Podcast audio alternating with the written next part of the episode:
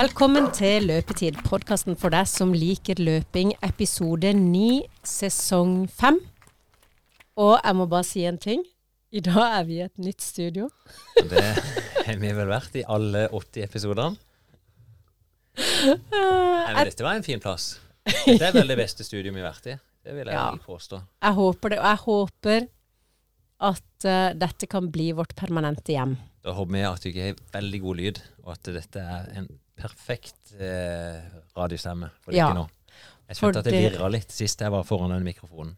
Ja, for det er, eh, det er viktig å snakke rett i mikrofonen. Um, og Derfor har du fått en sånn en fin krakk som du kan sitte på, sånn at ikke du beveger deg så mye. Ja, men jeg liker å stå. Være Ja. litt på hugget. Men i hvert fall, Finn, så har vi nå flytta inn i et eh, nabobygg til skolen som skal bli en del av skolen. Og her er det veldig fine studioer, så jeg har skynda meg så mye at jeg ikke fikk med meg all søpla, til å så bygge dette opp, sånn at det skulle være klart til i dag. Og eh, det er jo ikke godt å måtte flytte på seg så ofte, så jeg håper at dette kan bli vårt eh, permanente hjem. Ja da, men vi skal nok ut med litt dårlig lyd. Eh, Vi skal jo blant annet ut og lufte oss på Svalandsgubben senere i episoden. Ja. Så det er ikke all lyd som skal komme herfra. Mm. Og hvis det er noen som tror at jeg har løpt, løpt Svalandsgubben Så tar de grundig feil. Ja, for det den dagen løp jeg ikke en meter. Men jeg sendte veldig mange varme tanker til alle som var og løp. Og så sendte jeg en stedfortreder, som vi har besøk av i studio i dag. Da tenker du på Preben. Ja. Ja, han har de hørt stemmen av før. Skal du si hallo, Preben? Ja, hallo, ja. Fordi at uh, da vi var på uh, siste episode, så testa vi jo eh, Steffen på 3000 meter. Han som er inne og skal gjøre denne her eh, eh, Han som skal bli en løper, da. Med hjelp av det. Han skal i hvert fall snu en trend. Eh, og det har vi vært er på godt i gang med det, altså. To, to og en halv måned ute i kan vi kalle det vårt lille prosjekt, som varer fram til jul. Så vi må oppsummere litt der og, og høre litt mer om bakgrunnen. Vi fikk jo en liten smakebit når vi var og testa han sist. Og du er her også, Ja Steffen. Ja. det er jeg. Men når, eh, nå merker jeg at jeg ble litt stressa når eh, Finn sa prosjekt fram til jul. Hva tenker du om det? Nei, det er jo det prosjektet Det er jo sånn det starter. Det er jo snart jul. Det er det. Så i første omgang så var det jo et eh, kortsiktig prosjekt, hvor det var tre måneder og helt konkrete mål. Så får vi se hva, det, hva som bringer videre. Mm. Hva tenker du, Finn? Eh, Når vi starta det her, da, så sa jeg at vi Jeg liker jo å ha ting veldig konkret. Eh, Det, det må ha en startdato og et nullpunkt. Og da begynte vi med en test for å finne ut hvor god han var. Eh, og jeg syns jo det var veldig bra. Ikke sant? Han kom inn som en rugg, altså. Som en slapp rugg på 143 kilo. Eh, og jeg tippa på forhånd at eh, jeg hadde noen referanser. For jeg har jo vært og jobba i Forsvaret i mange år og testa mange soldater på 3000. Og det dårligste resultatet vi har hatt der, er 27 minutter. Eh, og jeg tenkte kanskje at det var en kandidat for det, men eh, det bor fryktelig mye vilje i den kroppen, og en evne til å pine seg noe voldsomt. Så han dundra jo inn på den første testen på rett over 20 minutter. Eh, og det syns jeg var imponerende. Eh, det viser jo etterpå da, at eh, disse brødrene her, de har jo vært ute og jogga litt før. Og du har hatt noen eh, prosjekt tidligere. Så, så litt bakgrunn hadde han. Men, og da jeg tenker det, Du kan ikke ha et sånn uendelighetsperspektiv når du nå liksom for n-te gang sikkert for Steffen skal gå i gang med ei, ei endring da, av livet sitt. Så det var liksom tydelig at vi må sette en, i hvert fall en, en måldato for når den første perioden slutter. Og Da ble vi enige om at jul det er greit. Eh, vi satte et tidsmål hvor mye han skulle forbedre seg, og det var det, var det viktigste. Å komme i form. Og så, i og med at han var ganske overvektig, så satte vi òg et vektmål. At han hadde noe å jobbe med på det òg. Men er Steffen i god form nå? han er i bedre form. Han er ikke i god form, det er han ikke, men han er definitivt veldig mye bedre enn der han var for eh, to måneder siden. Eh, men eh, da må jeg bare spørre Steffen. eh, føler du deg i god form nå?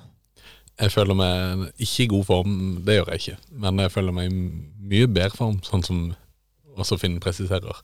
Han har jo hatt en, en formidabel eh, økning i, i prestasjon. Sånn, hvis en tenker da han er gått fra 20 minutter ned til Nå springer han på 17 og nå på 3000 meter. Og det, er- det er ikke dårlig. Ehm, men det tar tid altså å snu en sånn eh, kropp. Det gjør det. Det Absolutt.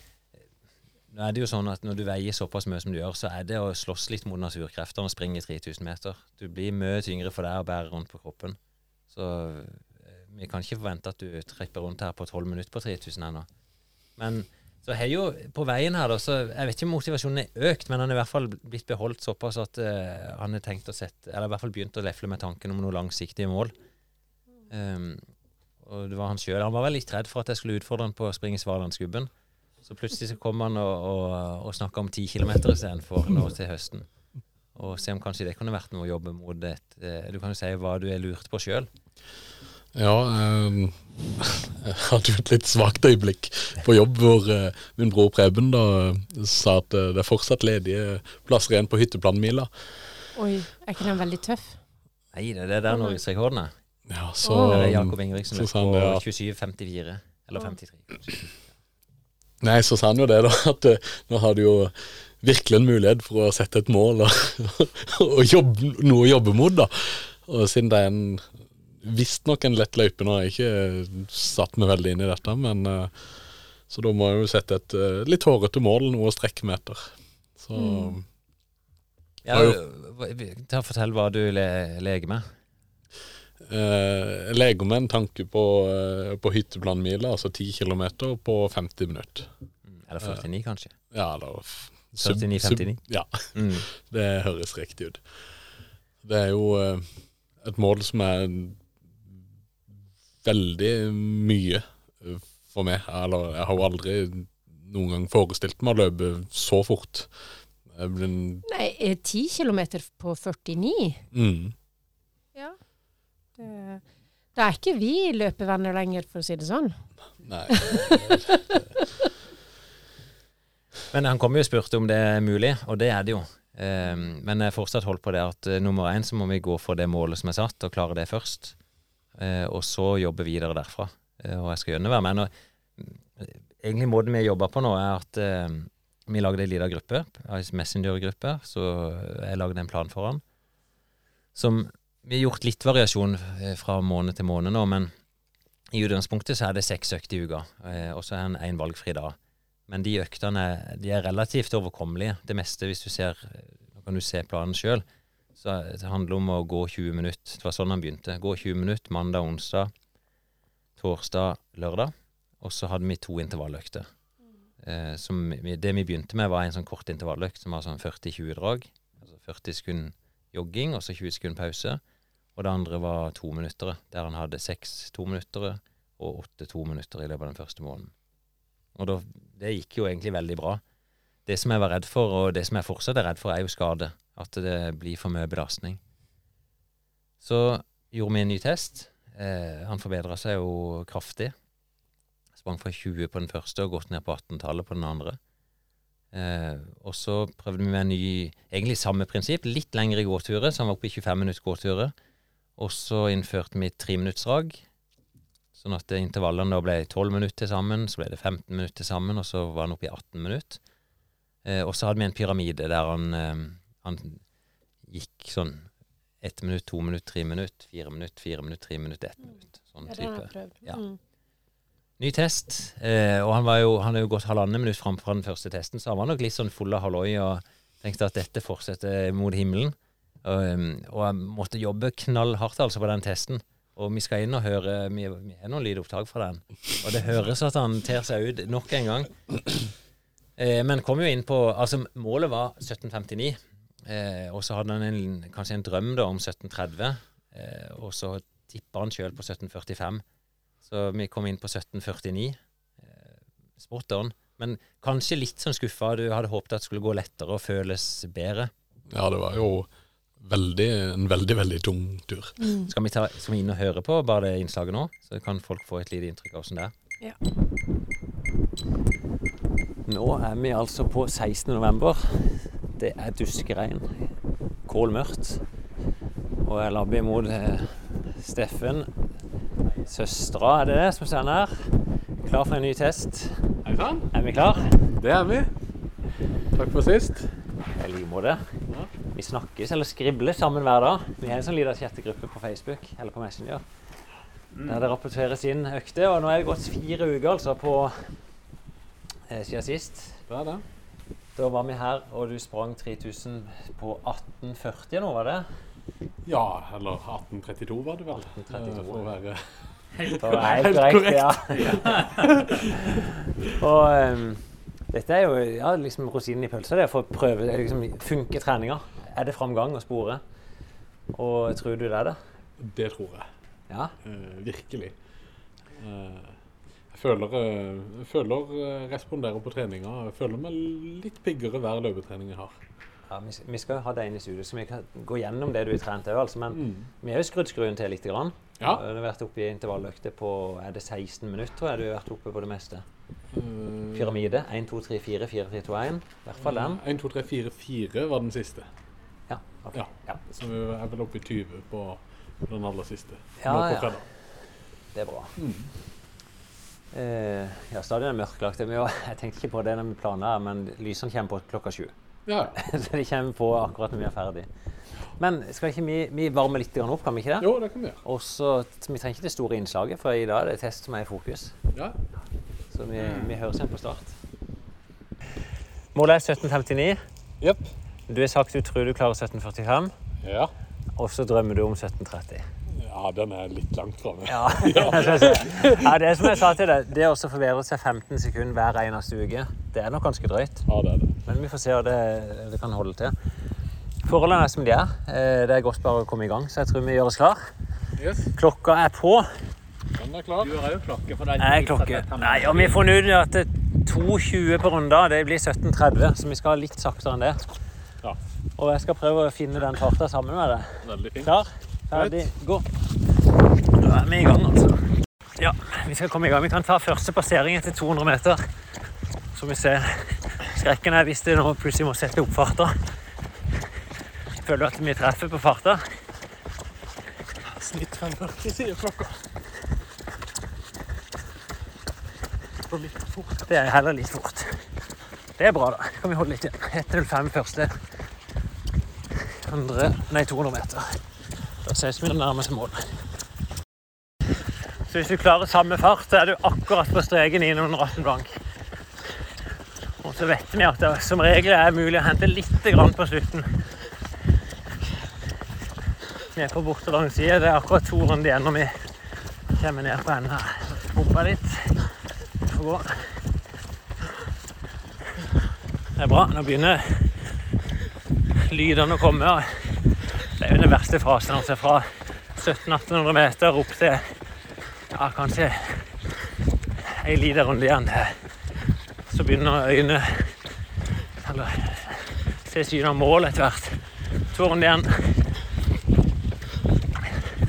Det skal gå med det. Klart det koster.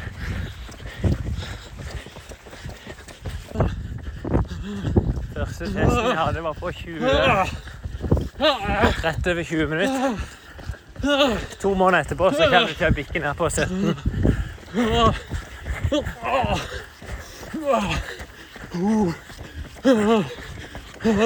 Hva er det vondt her?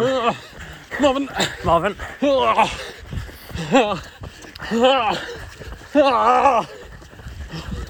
Ja, det er nydelig. Vi øker farta. Vi på vei mot mål.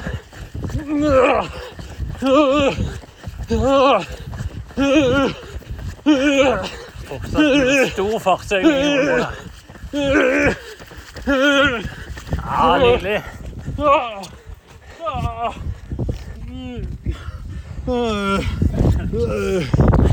Det er ikke noe tvil om at du ser ut nok.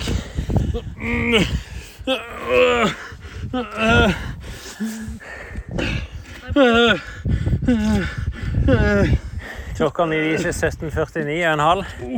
Fantastisk. Det koster kanskje mer enn du hadde tenkt på forhånd. Det er helt klart.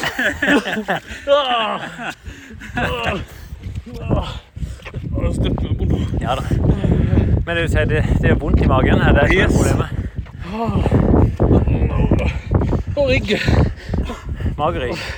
Ja, men det er fortsatt er det 135 kilo du skal dra rundt.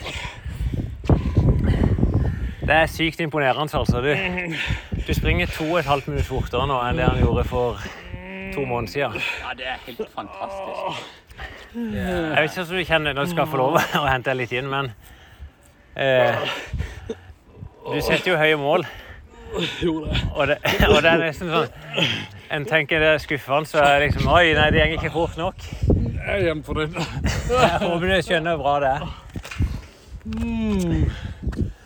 Du, da slapp vi ambulanse i dag òg. Det gjorde jeg. Ja. Jeg henter meg inn Det, igjen. det ser ut som du kommer deg ned igjen. Er det sånn at du blir bekymra for ham? Nei, han klarer seg. Ja. Ja, du mener det. Det er bra. ja, men det er jo de her smertene. Er, og jeg skjønner, Ja, ja. hvis det gjør vondt i mage og rygg, så er Det, det det er mage og rygg. Det er, det er kramper i musklene. Jeg løp med sting fra 800 meter ca. Ja, jeg, jeg merka at du måtte jobbe litt hardere. jeg Ja, og, og så kjente jeg etter 1500 meter at, at låra begynte å bli tunge. Altså, jeg kjente det begynte å bli tungt å transportere i kroppen. Men husker du springer veldig mye fortere enn sist. Ja, ja. Så Det- det er helt klart. Vi snakka mer videre om det i bilen før, før vi traff deg, at det blir jo tyngre å hente disse sekundene. Men vi ser nå, det er fem uker til jul. Du springer på 17,49, altså du har akkurat 50 sekunder. Du må forbedre deg 10 sekunder i uka. ja, det var Hver uke fram til jul. jul. 17 Hva, henta på? 49,5. Ja, men, men da var jeg jo ikke så langt unna mitt 45-mål. Nei, det var veldig nært. Så, så da er jeg jo veldig fornøyd. Jeg trodde jeg bikka akkurat 18, eller rett over, eller noe sånt. Så jeg trodde egentlig ikke klarte det. Men tror du det er mulig for deg å sprenge på 16,59 om fem uker? Ja, Jeg må jo gjøre en jobb, da. Du gjør en kjempebra jobb. Så det... Men jeg tror faktisk vi har å Vi gjør noen små justeringer. Kan godt være at vi skal gjøre litt jobb med mage-rygg òg nå. Ja da. For nå er du i gang. Vi sant? Har hatt en måned sånn ordentlig tilvenning. Ja.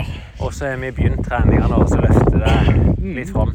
Og nå begynner en å se hva er det som hvor er det problemene sitter. Mm. Og det du beskriver akkurat nå, er magerygg Ja. og òg litt lårene, at de er tunge. ja. Og så kan det være at de siste øktene du hadde, at de kom litt tett på testen her med gode intervalløkter. For de begynner, de begynner å bli tøffere nå, de øktene. Absolutt. Sånn at før juletesten så skal vi iallfall tillate at du slipper deg litt opp i forkant. Ja, jeg kjente det på lørdag på gåturen jeg hadde, at jeg var tung i beina fra intervallene på fredagen. ikke det godt? Jo, det? eh, det var, det var en Ja. god følelse, men jeg kjente at det var tyngre å gå i den farta jeg pleier å gå i. Ja, Eh, det er det du vil kjenne nå etter hvert. Så, men de øktene skal ikke bli så veldig mye verre enn 20 minutter. altså Vi skal litt grann opp til. ja, ja. Det, Så, men vi er god tid. Og så får vi se, du har jo begynt å lefle med noen andre mål, men det skal vi ikke røpe her. Neida. Det er ikke sikkert det- de frister som gjør akkurat nå. Jo da, de gjør det. De gjør det. Det er bra. Da ses vi i studio. Yes. OK, Finn. Eh, hva er det du har utsatt meg for nå? Det høres jo nesten ut som et voldtektsforsøk her. men, men han utsetter seg sjøl for det. Det er ingen andre enn han sjøl som pusher seg på det viset. Um, du kan jo beskrive litt, eh, du sa det jo litt òg altså på stadion hvor det blir vondt, men beskriv hvor, hvordan det kjennes ut å ta seg ut for det. Ja, um, ja, nå var det jo litt voldsomt det, men, men um, det var ikke pust og puls og, og de typer smerter. Det var mm, rett og slett mave og, og rygg. Altså kramper i, i musklene, da. Ja. Så um, det er vel et fenomen av min Ja. høye vekt som responderer Eller, ja. Ja, jeg tror, og du er jo ikke trent for å pushe deg på den måten. Og vi har ikke gjort veldig mange ordentlig harde økter. Så mm, det, Nå sa jeg vel sist at vi skulle legge inn noe styrketrening i programmet ditt. Det har vi faktisk ikke gjort, så det er noe vi må tenke på. For jeg tenker at det kan lønne seg for han å få jobbe litt grann med, med styrken i ryggen, og så gjort noe for å stabilisere magen. For jeg husker da eh, vi begynte, første sesongen Ja. eh, av løpetid, så, jeg, så lagde du et lite program til meg hvor jeg skulle løpe fem minutter og sånn. Og da eh, måtte jeg gi meg pga. at jeg hadde så vondt i hofta. Husker du det? Mm. Eh, det var helt sånn Det gikk Det hørtes sånn ut når jeg løp, for det var så smertefullt å skulle gjennomføre eh, noen enkle turer. Og så gjorde jeg litt styrketrening, virkelig litt. Og jeg har aldri mer kjent på de smertene. Mm. Så det var akkurat som om jeg trengte noe for å stabilisere. Eh, og jeg hadde trent mye styrke før jeg begynte å løpe. Men akkurat de stabiliseringsøvelsene hadde jeg aldri gjort før. Nei. Så det er nok litt sånn som skal til. Få inn litt av det på programmet.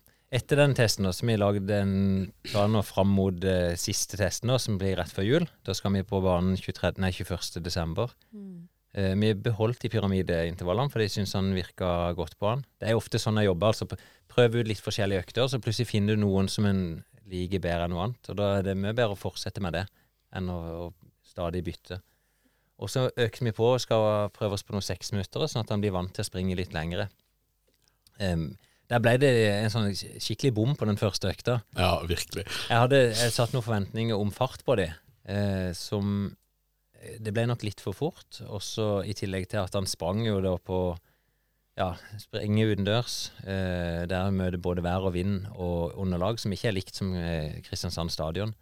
Eh, men han holdt farta, og ikke intensiteten, på et vis. Mm. Og da ble det plutselig for tungt. Ja, det, det fikk framprovosert de samme smertene som på 3000 meter, bare i, i langt mindre grad, da. Men jeg kjente de punktene jeg sleit på 3000 meter med, det var det samme jeg kjente igjen på de dragene. Ja.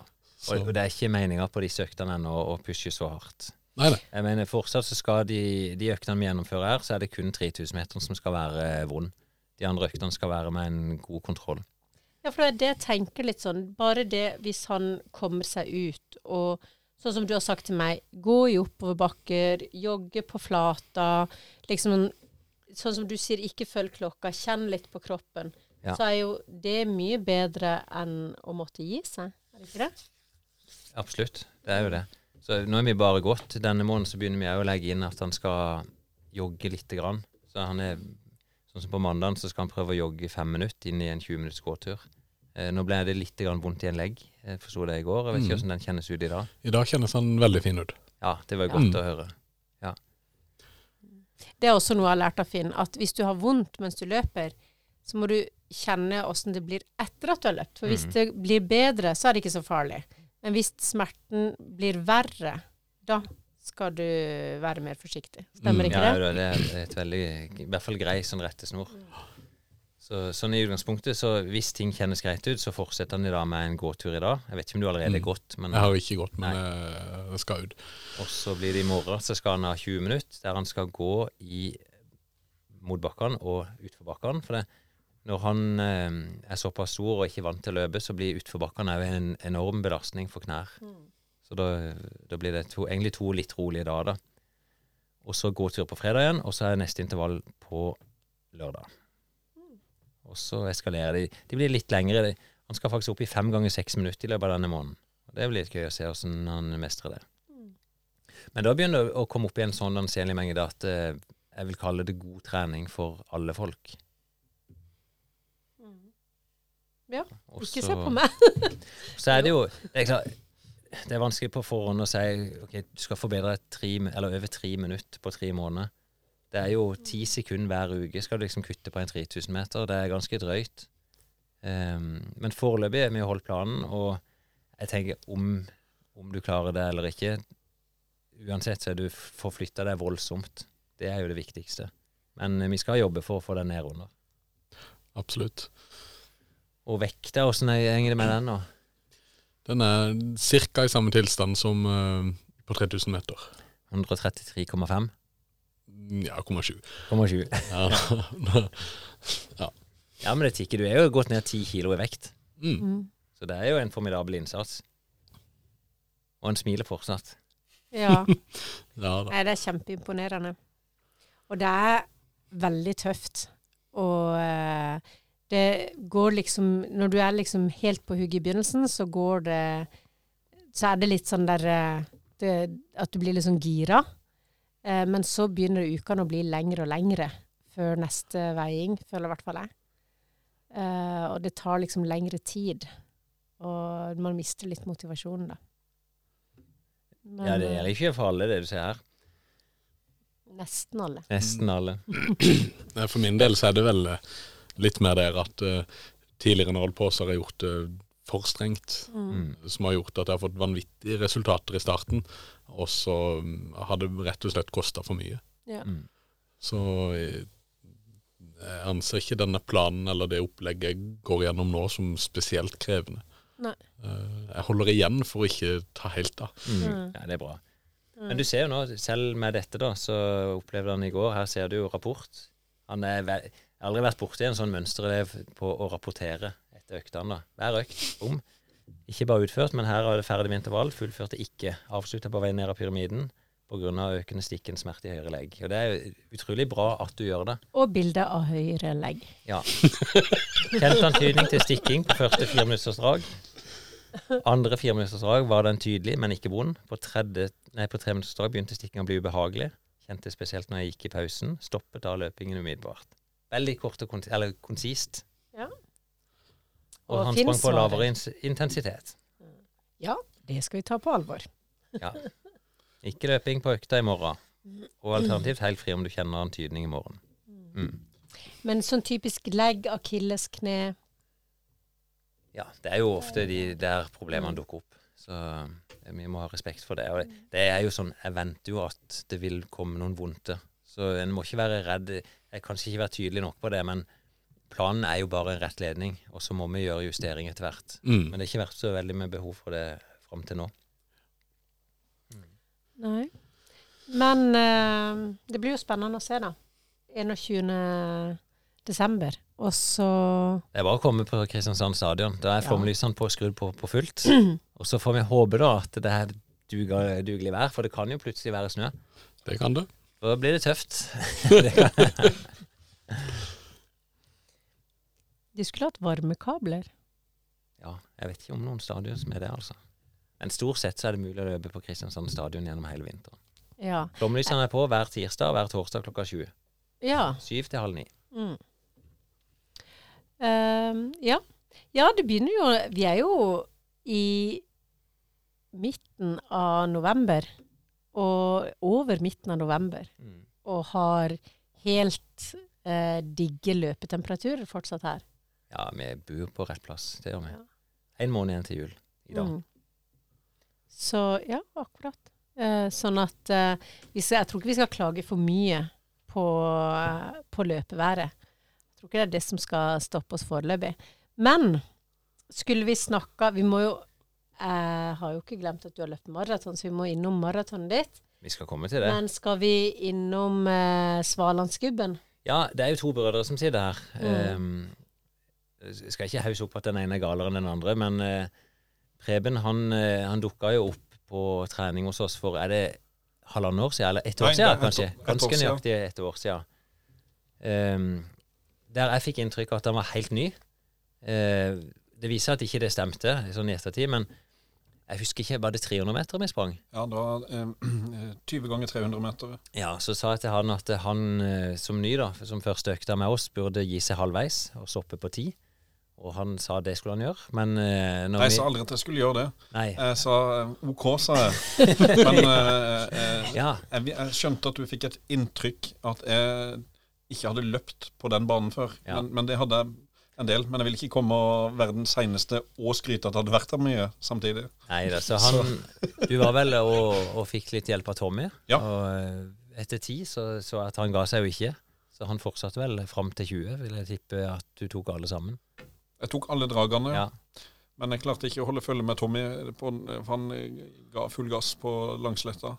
Og det, det hadde jeg ikke Jeg var ikke vant til å løpe så fort. Nei.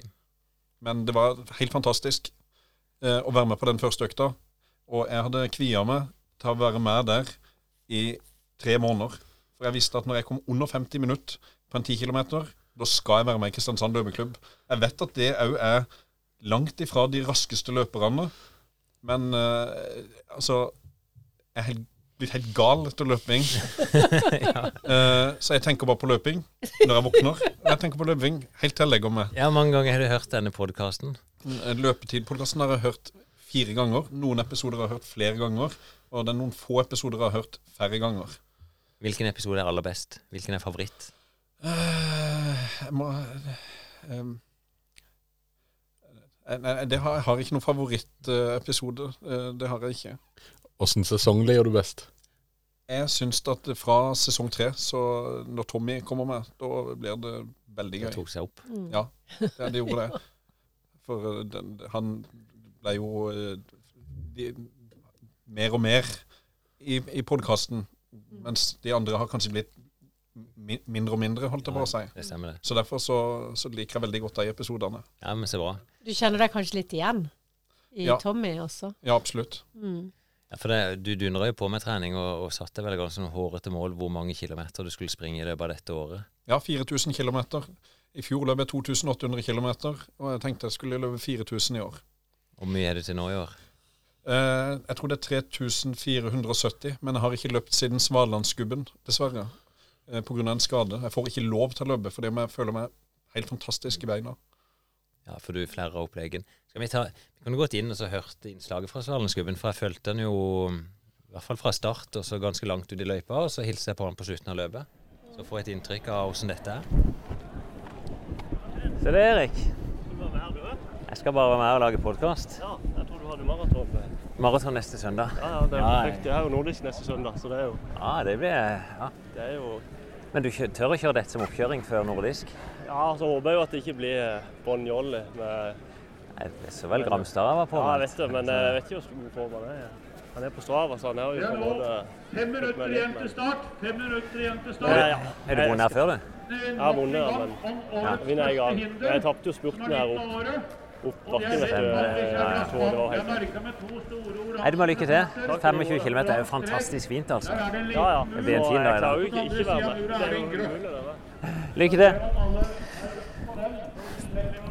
Ja, det var jo en fin start, da. Eh, akkurat kom opp til Birkeland.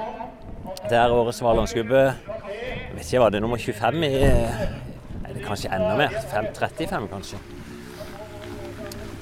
Så jeg bestemte meg for å ta turen opp og, og lage litt pod og fange stemninga. Både blant de beste, men òg de som er litt bak i rekkene. Så jeg vet bl.a. at eh, Preben, han som du ikke møtte, eh, så vidt eh, fikk et glimt av han sammen med broren i forrige episode. Han står på startstreken og skal springe gjennom hele dette løpet. da. Så vi ser. Jeg måtte bare tilbake i bilen og se etter et deksel som jeg bruker på den eller innspillingsenheten. Da hørte du ikke det. Altså, fire minutter igjen til start. og det var 600-700 påmeldte eh, i går. Eh, og det pleier alltid være en del som etteranmelder seg på dette løpet. Ti grader og fantastisk sol, altså. Eh, Men det har regnet såpass mye at de skal få det tøft ut i løypa. De fleste lytterne her har vel fått med seg essensen i dette løpet, da. Men det er tre-fire kilometer ut på asfalt og grus, og så skal det inn i heia, da. Opp i myre. Noen forferdelig dårlige stie. Eh, Og veldig blaut som regel. Så du får jo ikke løpt ordentlig hele veien, altså. Det er sånn artig. ja, Det er et løp der er veldig mange ja, mye støttepersonell som er oppe og ser på. Så det kryr av folk her i området. Starten går på en sånn svær eh, På enden av to store fotballbaner. Da er det mye løpere ja, som har samla seg. Noen med ryggsekk med seg egen drikke. Selv om det er jo drikkestasjonen i området her.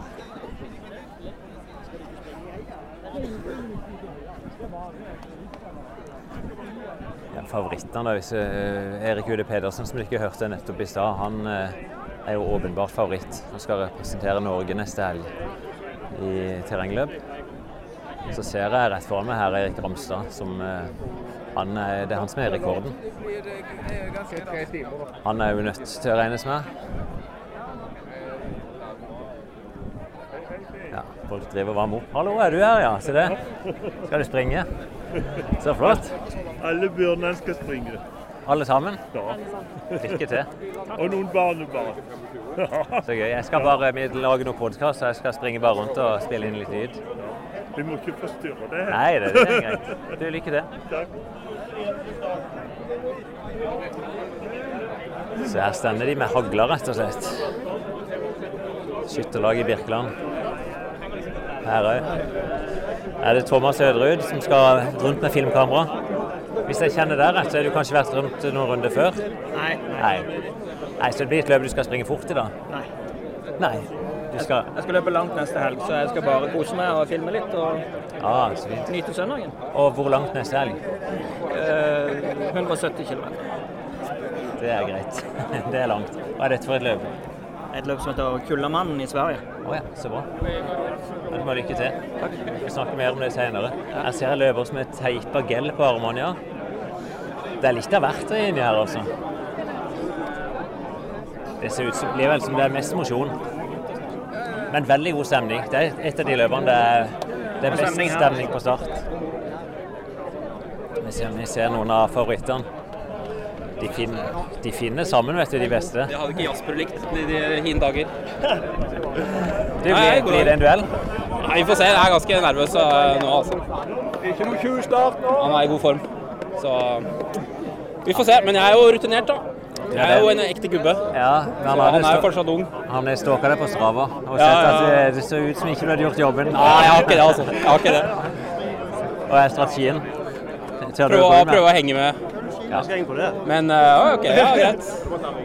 Men når man kjører for hardt opp til Svaland, så straffer det seg. Det har han sikkert. Det har han.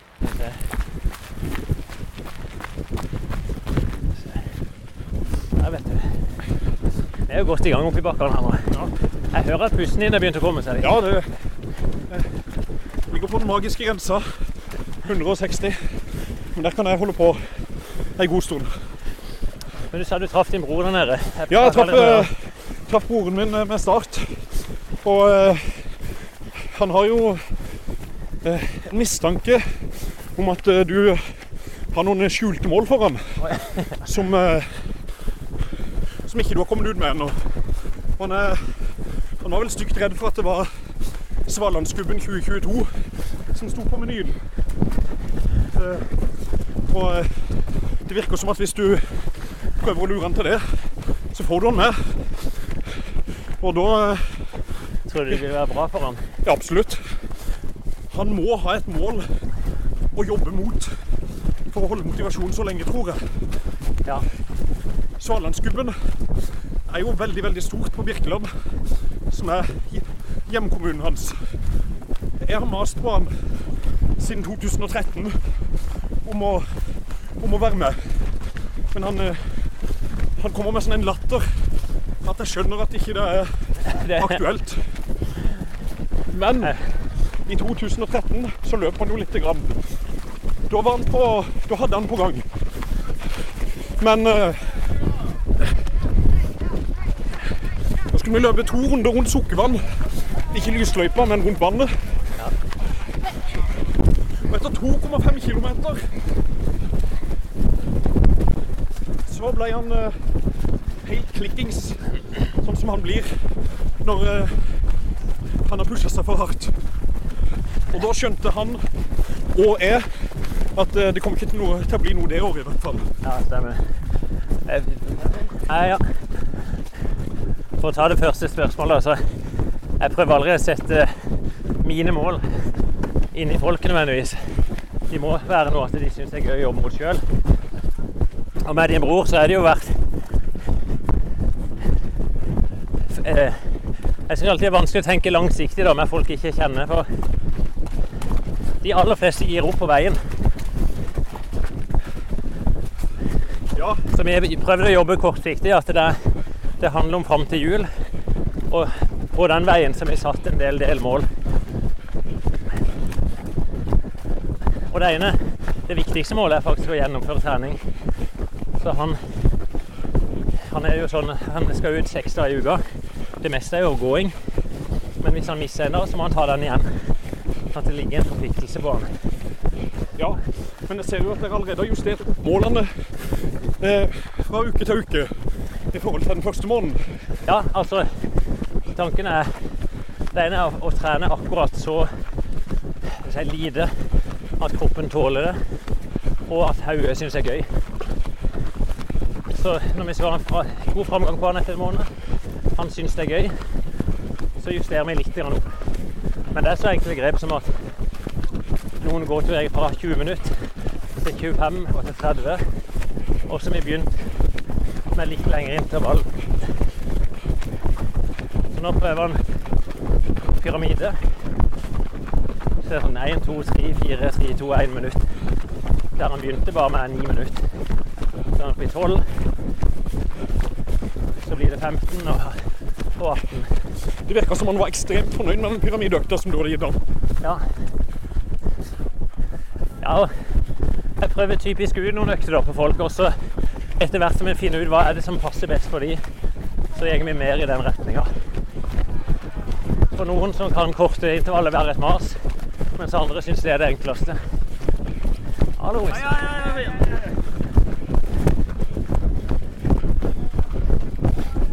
er folk som har tatt turen ganske langt opp i heia for å heie. Ja, det siste snittet vi har ligget på nå, er 7,30 fart. Det er 8 km i timen. Det er jo teoretisk sett for seint.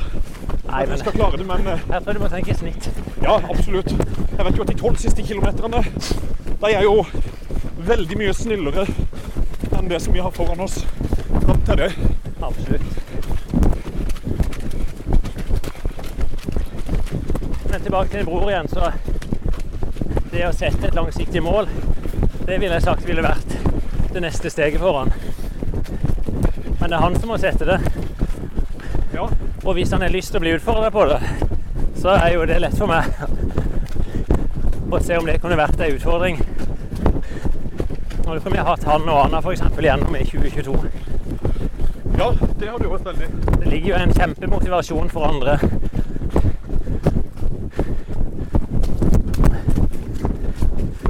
Der han kan gå foran og vise at det er mulig å gjøre endringer da, i livet.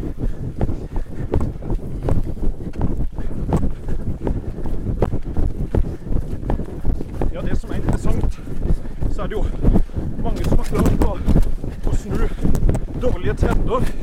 Men som regel så er det bare et etterintervju. Det er aldri før og under prosessen at du hører noe. Nei.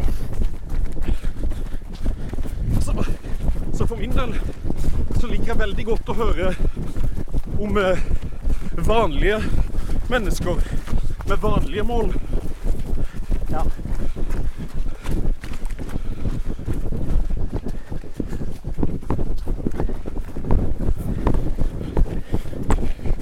Og før i tida, når det kom en mil på en time, virka Det er et helt episk mål. Men det, det, det forandrer seg hele tida. Blir aldri fornøyd. Nei, åssen Den reisen din har jo vært sånn at du har justert opp de målene. Eller det, det ligger bare et langsiktig mål om å bli best i verden. Ja, det er noe som jeg sier for å tøffe meg litt. Grann. Ja. Men eh, er villig til å gjøre veldig mye til å bli veldig mye bedre. Trening er ingen problem. Trener så mye som jeg føler at kroppen tåler nå. Det er ca. 80 km i uka. Eh, Det er noe de fleste vil kalle ekstremt allerede der. Ja, men eh, hvis du skal utnytte det maksimale potensialet, så må du opp i 15 mil i uka. Ja, men det sier veldig mange. Ditt endelige mål er egentlig å få ut potensialet ditt på løping. Absolutt. Og jeg begynte seint. Så eh, det blir interessant å se. Det første målet nå er jo under 40 minutter på en 10 km. Eller 10 000 meter. Er det noe periode du setter for deg sjøl når du skal ha klart det? Ja, hvis ikke jeg klarer denne stadionvilla neste år, så blir jeg ekstremt misfornøyd. Nå er det jo eh, Kristiansand perseløp om eh, tre uker. Det er jo jeg som har målt opp den løypa. Stemmer, det er og eh, Glenn og Teigen har utfordra hverandre på 41,30 på det løpet. Det tror jeg du er god kontroll på. Det er 4.09-fart. Og så fort har jeg ikke løpt du var jo med. Var det 12 km du sprang i 4.16 fart Ja. på trening? Det gjorde jeg, og gikk jeg av litt, eh, litt før jeg måtte òg. For å ha energi til neste trening. Jeg vet ikke om det høres ut som vi sitter i et studio, men Det kan jeg garantere ikke. Det er det ikke. Her er det gjørme til knes. Vi tråkler oss oppover noe sånn myrlandskap. Det var nede til knes. Det er ikke mer sutring på det her oppe. Det er ikke mer sutring og oiing. Det er stille. Du skulle ikke tro at det var 40 stykker rundt nå. Tror du de irriterer seg på all jabbinga? Det kan godt være. Men jeg er akkurat like flink til Anna som å preike mens sliter, holdt på å si. Men skal det gå fortere enn dette, da blir det nødt til å holde kjeft. Absolutt. Og vi skal ikke følge etter det hele veien. Jeg kan skru av litt nå. I forhold til det vi snakka om eh, hastigheter på løping. Ja. Du har jo en på vane å ligge på de rolige øktene på halvannet minutt senere enn maratonfarta mi, som er 6-20 fart sånn cirka. Dette liker du, Finn. Jeg har vært der noen ganger før, men det er, det er ganske drøye forhold. Jeg vet at du liker dette. Dette er nydelig. Det er dette som gjør det gøy. Det her er grapset, liksom. Ja, det er noe av terrengløp. Den grapset og stemninga rundt løypa. Ja, det er det som gjør det moro. Du er så redd for å bli kvitt den. Neida. Men det, blir, det er ikke helt som et løp.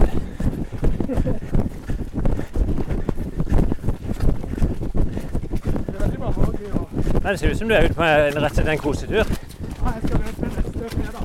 Ja. Ja.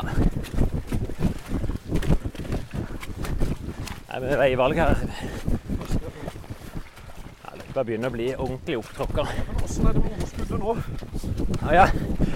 Det er ikke så mye overskudd. Hva kaller du Hva kaller du det? Det som jeg pleier tapering madness. Hva er det du kaller Det det? er jeg kaller bare nedtrapping. Ja. Eh, jeg hadde siste ordentlig spesifikke økta i går.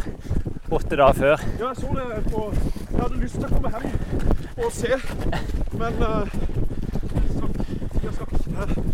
Da sprang jeg 16 km. Ja, altså vekslende så annenhver kilometer. Ti sekunder raskere enn maratonfart. Ti sekunder saktere. Så da ble det Eller i hvert fall ut ifra den farta jeg, jeg håper jeg kan springe på, da. Som er 3.38-3.39 på kilometeren. Så da var det 1000 på 3.28 og 1000 på 3.48. Eh, Jeg kjenner jo en sånn økt i dag. ja, det vil jeg tro. Men, Men når, eh, når du eh, nå skal prøve å sette pers på maraton, Ja. vil du gå så langt og si at du er i ditt livs form nå? Nei, jeg tror jeg har vært bedre form, men ikke truffet på de maratonløperne. Ja, OK. Ja. Oi, oi.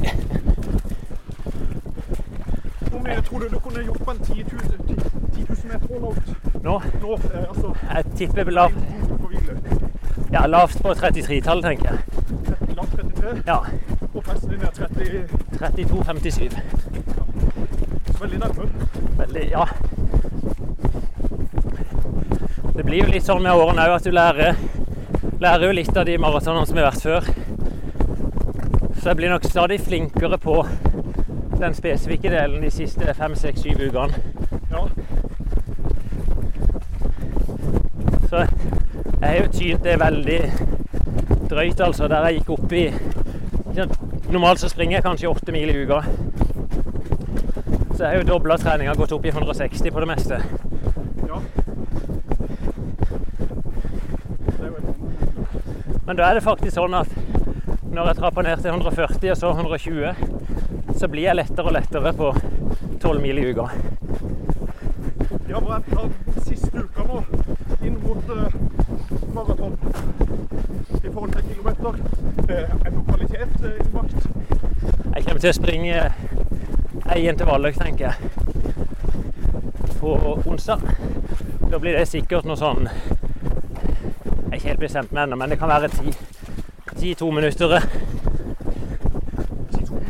for eksempel. Og hva skal du ha da? Nei, da springer sånn maratonfart og litt fortere. Det er jo en ekstremt snill økt i forhold til det du har hatt. Ja. Ja, men en må Altså, kroppen presterer best når den er uthvilt. Ja. Men det er klart, hvis en trener lite, så er det jo ikke så mye mer å hente på hvilen. Men når jeg har tynt kroppen så langt som nå, så kan det være helt avgjørende. Jeg kan ødelegge løpet hvis jeg trener for hardt nå.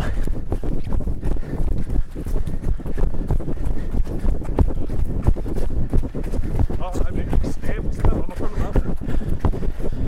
Sara, Det vik altså, kanskje høres dumt ut, men det viktigste målet er allerede nådd. Og det er at jeg skal være i posisjon til å slåss om rundt pers. slåss mot pers. Ja. Så jeg ser at du har vært inne og kommentert på Jan Post sin uh, Strava. ja det, du følger godt med? Uh, har du noe mål om å ta han? Eh, han, han vel et litt lavere mål enn du, eller seinere mål enn du. Han har vel sagt eh, to At han drømmer om 2.40-42. Ja. Er litt problemer med trueren. ja. Men da vet du at hvis du får går på en minismell, så er han Jeg vet det. rett bak der. Nei, vi er en liten sånn chattegruppe med oss som reiser ned. Så vi har fått tynt ut målene alle. Så går det på drømmemål. Og så er det hvor, hvor er du fornøyd, og hva er det som er krise. Ja. Så for min del så er drømmemålet det er pers. Og så er jeg sagt som 2.37, kanskje 2.38. Da er jeg fortsatt fornøyd. Men ikke sånn helt, men det er akseptabelt. Og så alt saktere enn 2,40. Da føles det litt flaut ut for min del. Da har jeg gått for høyt ut.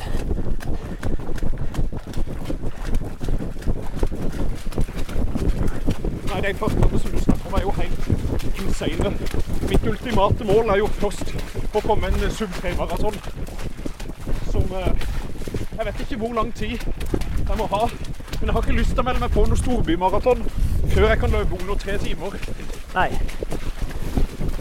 Hvor mye må jeg ned på på en 10 km før jeg har farta inntatt? Oi? På tre timer. Ja. Jeg bare tenker litt. Halvmaraton er jo en femmer ned på. Ja, da, da skal du òg være godt maratontrent for å klare det. Se. Vi var gjennom en bekk.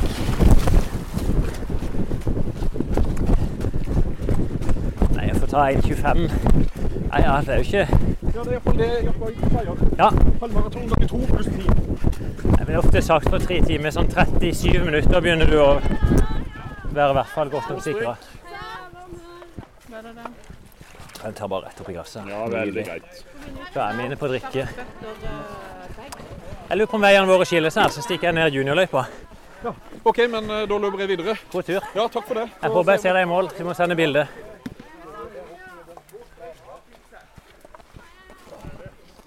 God tur videre.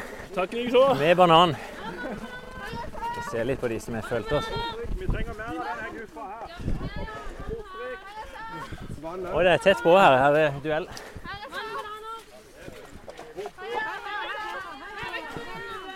God tur videre nå. Jeg kommer Charlotte òg. Går det greit, Charlotte? Er det greit? Ja, det går greit. Ta det litt rolig med trening i dag. Å ja. Her kommer Thomas òg med kameraet sitt. Ja, Han monterte på en pinne. Ja, det siger bare på med løpere her. Det er veldig fint. Nå tar jeg ned eh, kortskubene. Jeg vet ikke hvor lang den er egentlig. 12, er det? 15? Ja.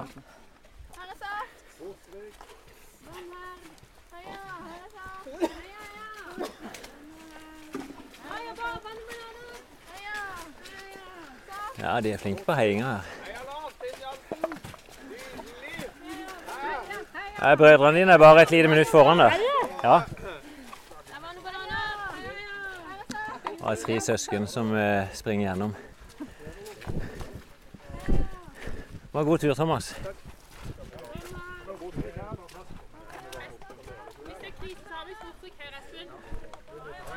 Se her. Hvor lang er den løypa ned her? Er det 15?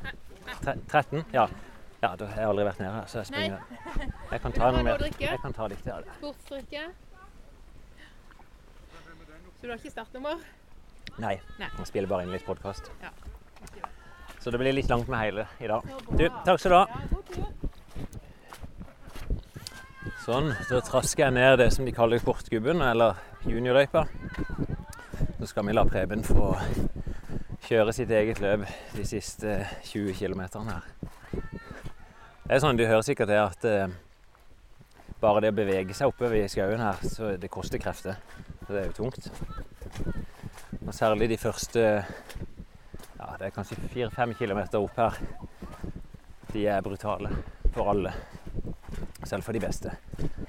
Så, men da trulter jeg ned, og så skal jeg se om jeg klarer å fange teten når de kommer inn på veien.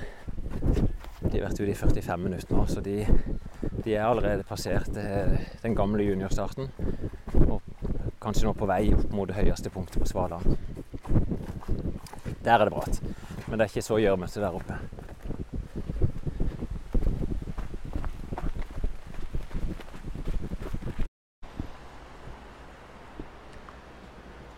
Ja, Nå står jeg på et punkt eh, rett over en kilometer igjen til mål. De krysser eh, ei elv.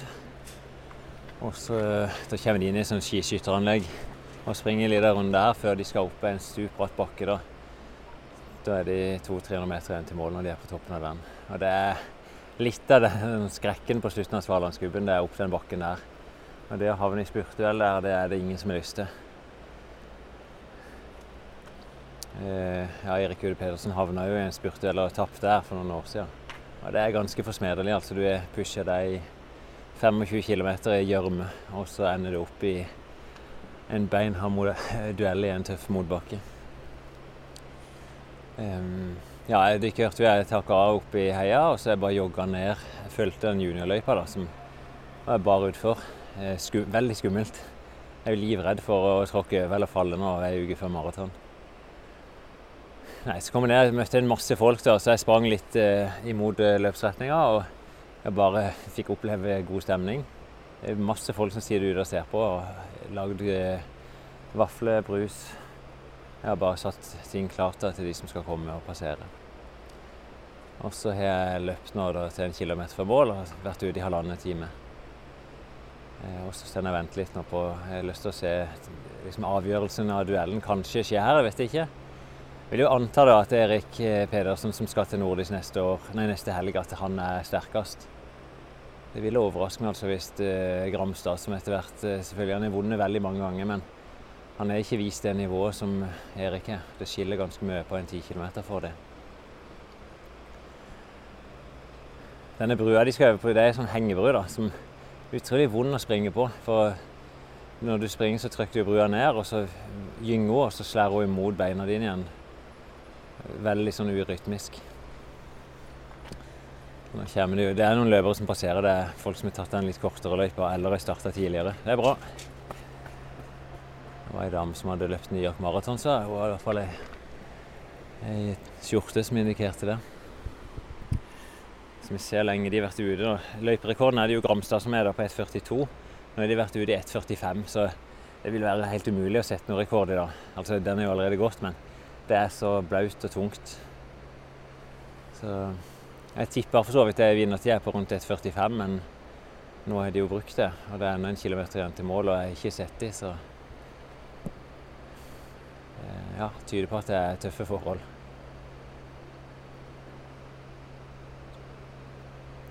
Det regnet jo voldsomt i natta.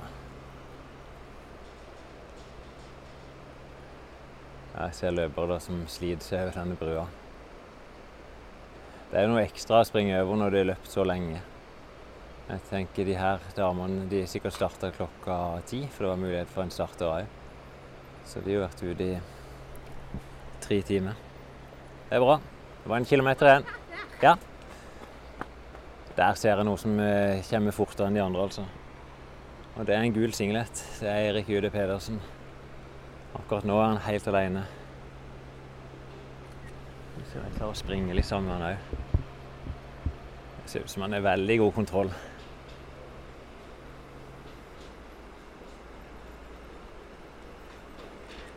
Se der, vet du, Erik. Jeg har god kontroll.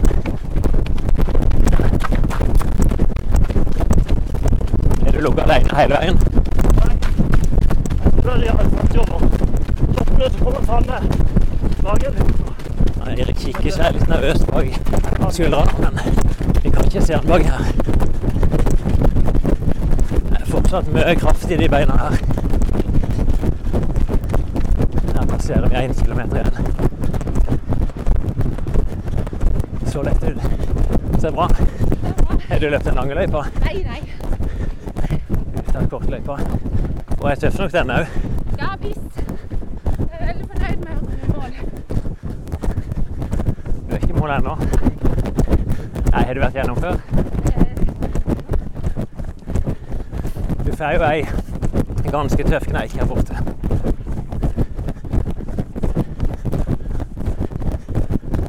Jeg ser om jeg kan ta en snavel sjøl.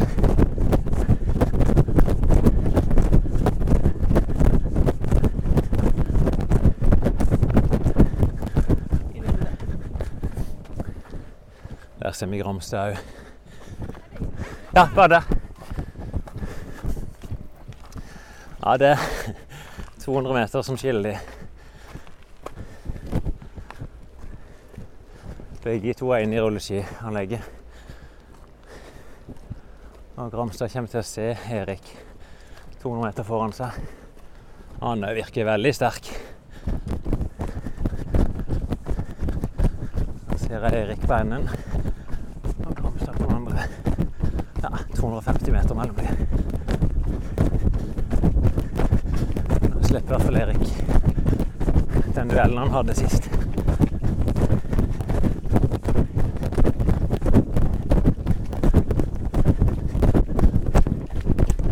Det er noen høydemeter som skal tas. På slutten her.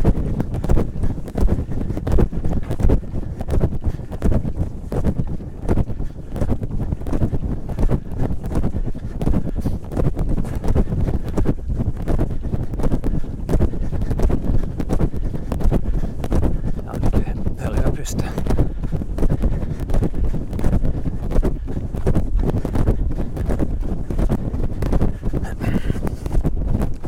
Den bakken på slutten er så bratt at selv vinnere kan velge å gå opp den.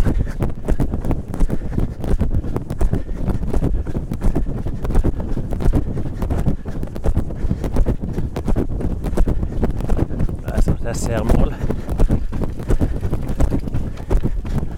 Nå ser jeg bakken.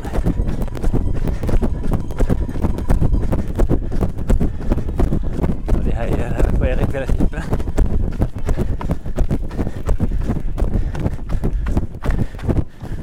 Han. Det er gubben sjøl som sender Terran imot her. Ja, ja. Oi sann, skal vi se. De har fått godt blitt bli kjørt godt her nå. Ja. Heia, heia! Å, kom igjen nå. Heia, heia! Seier på dette her. Det var alt. Han er ikke så langt bak, vet du. At vi akkurat ikke så han i bakken. Følger en vinner på vei mot mål. Det er fortsatt saft i beina.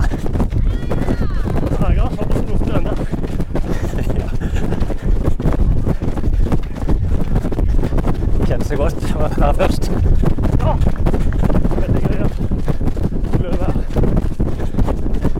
Du skal få ta alene. Du får kjøre på og vise deg fram.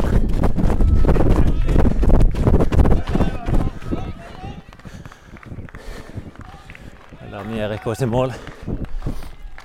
Det blir rett i overkant av 1,50. Så vi går tilbake til Gramstad her og ser om det er kreft igjen i han òg.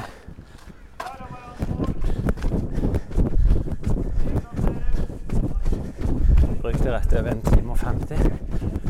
Et 51,14, ja.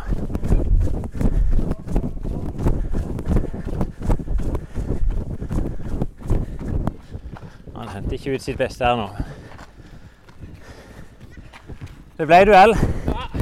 Og tid måtte du gi slipp.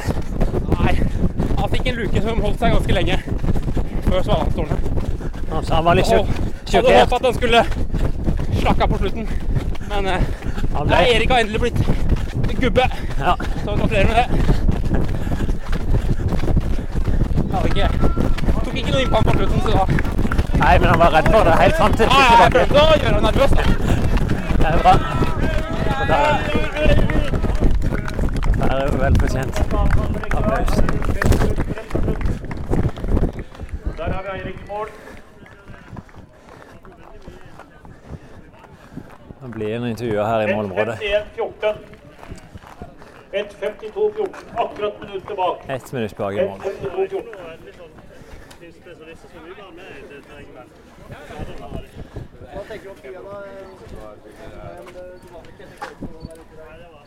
Ja.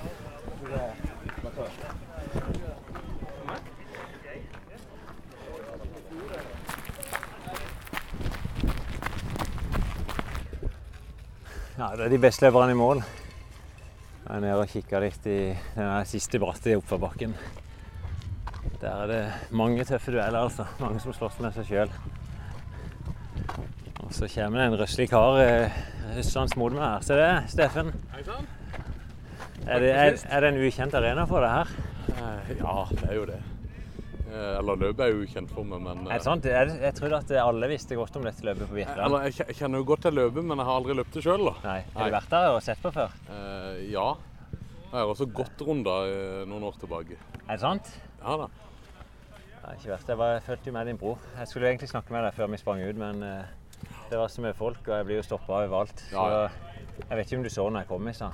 Jo, jeg gjorde det, men eh, du, du var heller ikke akkurat når du kom. Men det Jeg forsvant bare inn i mengden. Jeg så deg rett Ja. før du gikk inn i mengden. Og da. Men han var optimistisk, han altså. Han, eh, han skal under tre timer i dag. Ja. Så jeg skal ta ringe han opp. Han er jo med seg mobilen. Det er visstnok hans varemerke at han springer med mobil. Ja, han skulle holde han over hodet, over myrene. Nei, det er fryktelig blaut der ute. Er det sånn, Får du noen tanke om at dette hadde vært gøy å gjennomføre noen gang? Ja, det det? eh, jeg har jo eh, kjent litt på den noen ganger at når jeg er i godt driv og eh, kanskje skal prøve meg på gubben til høsten, men eh, jeg har aldri, aldri fått til å gjøre det, da. Nei? Nei, han, sa, han hadde snakka med deg. Han var, du frykta visst at jeg hadde en eller annen grusom plan med å, å få deg ned her. Nei, eh, Det- jeg men- frykter det ikke, men jeg er innstilt på at spørsmålet kanskje kommer i dag. Ja, men Det er lov å stille spørsmål, for det, vi har jo et kortsiktig mål nå. Ja. Men for din del, hvis du skal holde på over tid, så er det jo lurt å ha noe som strekker seg noe lengre. Men eh, jeg skal aldri tvinge noen til å ha Svalandsgubben som mål. Men eh, Jeg har en kamerat som har løpt eh, dette er 14 år på rad. Ja. Eh, Så han, eh, han har jo prøvd flere ganger å, å, å få med meg, men eh, har på en måte ikke fått det helt til ennå. Men det er jo noe fint å strekke seg etter. Det er jo, det er jo et ganske grusomt løp, da. ja, men det er noe med å ha gjort litt ekstreme utfordringer òg, da. Ja. Og vi er jo flere fra løpeklubben som ikke er noe bedre form enn det du er i, som klarer å komme seg gjennom sånne løp som dette. Ja. Det handler jo egentlig ikke om å være først i mål. Neida. Det er jo tre-fire stykker her som prøver å, å vinne løpet. Ja. For alle andre så er prestasjonen det å komme seg gjennom. Mm. Så det, du får tenke på Du skal slippe å svare på det nå. Vi får ta det i studio når vi skal inn du og din bror, så vi kan få gått litt mer i dybden. Men sånn status for deg nå. Jeg får jo en oppdatering mer eller mindre hver dag. Ja. Kan ikke du si litt hvordan det går? Det er to uker siden vi var og testa det sist. Jo da, eh, det går veldig bra. Eh, motivasjonen er stigende, og eh, treningene går Altså føles lettere fra da. Ja. Altså, kroppen responderer. Jeg kjenner at det blir lettere å utføre intervallene. Og jeg føler jeg har mer energi om dagen. Ja, du merker det Jeg føler meg litt Ja. piggere. Ja, nå er det, det er gått seks uker cirka, er det ikke det? Siden vi Jo, begynte? seks Ja. uker siden du starta. Jeg sier jo normalt sett at seks til åtte uker det regner. Da begynner du å komme opp på et platå. Mm. Der en begynner å føle at det er effekt dag for dag. Ja. Jeg kjenner at uh, nå koser jeg meg når jeg er ute på tur. Altså Ja. ordentlig. Ja, du gjør det. Jeg gleder meg til å ut og uh, Ja, det er du, det er jo to intervalløkter du gjør i uka. Og når vi begynte å skru opp mengden litt på dem mm. Nå eh, Sist så uh, ytra jeg jo ganske godt at eh, at eh, det var for lett. Eller eh, Ja. Jeg var veldig klar på det. Nå kjenner jeg det begynner å stramme seg opp, og nå føler jeg eh, jeg jobber litt. eh, Ja. på, på en positiv måte, da. Eh, og, jeg, og jeg gleder meg til det som kommer framover. Det er jo det vi skal få til. Ja, ja. Ja. Eh, For eh, Og- planen er jo litt opptrapping uke for uke. Og Men jeg tror, eller, tror de misforstår litt de andre når de sier at du kan vente deg noe grusomt, for det skal det aldri bli. Neida, det, Det, det skal bli fornuftig. Altså, det skal være gøy å være på trening. Mm. Og jeg har ikke noe høyere mål enn det for, det, for din del. Nei. Det, Så det er bra. Nei, jeg håper du blir i hvert fall litt sånn motivert av å se løpere som dette. Og Jo jeg, vet, jeg vet ikke om du venter din bror inn, men eh, jeg skal ta ringe til han etterpå. ja, han eh, Vi kan bare begynne å rusle litt. Han Ja, ja visst. Eh, Nei, det blir spennende å se. Hvordan eh, tror du han ligger an i forhold til tida han har satt? Han vil jo helst komme under tre timer. jeg tipper han skal klare det, selv om det er tøffe forhold i dag. Han er jo trent veldig mye. Ja. Uh, Ja, Ja. Du fulgte han en del i løpet av løypa. jeg var med han første 50 minuttene. Ja. Så det, kjeften gikk i ett, ja. Den skravla, den, den virker. Ja, ja. Men han koser seg jo der ute. Så. Og han er jo egentlig godt trent nå. Han springer jo åtte mil i uka. Ja. Og du trenger på ingen måte ha sånn ambisjon som han for å kose seg med trening. Nei, det-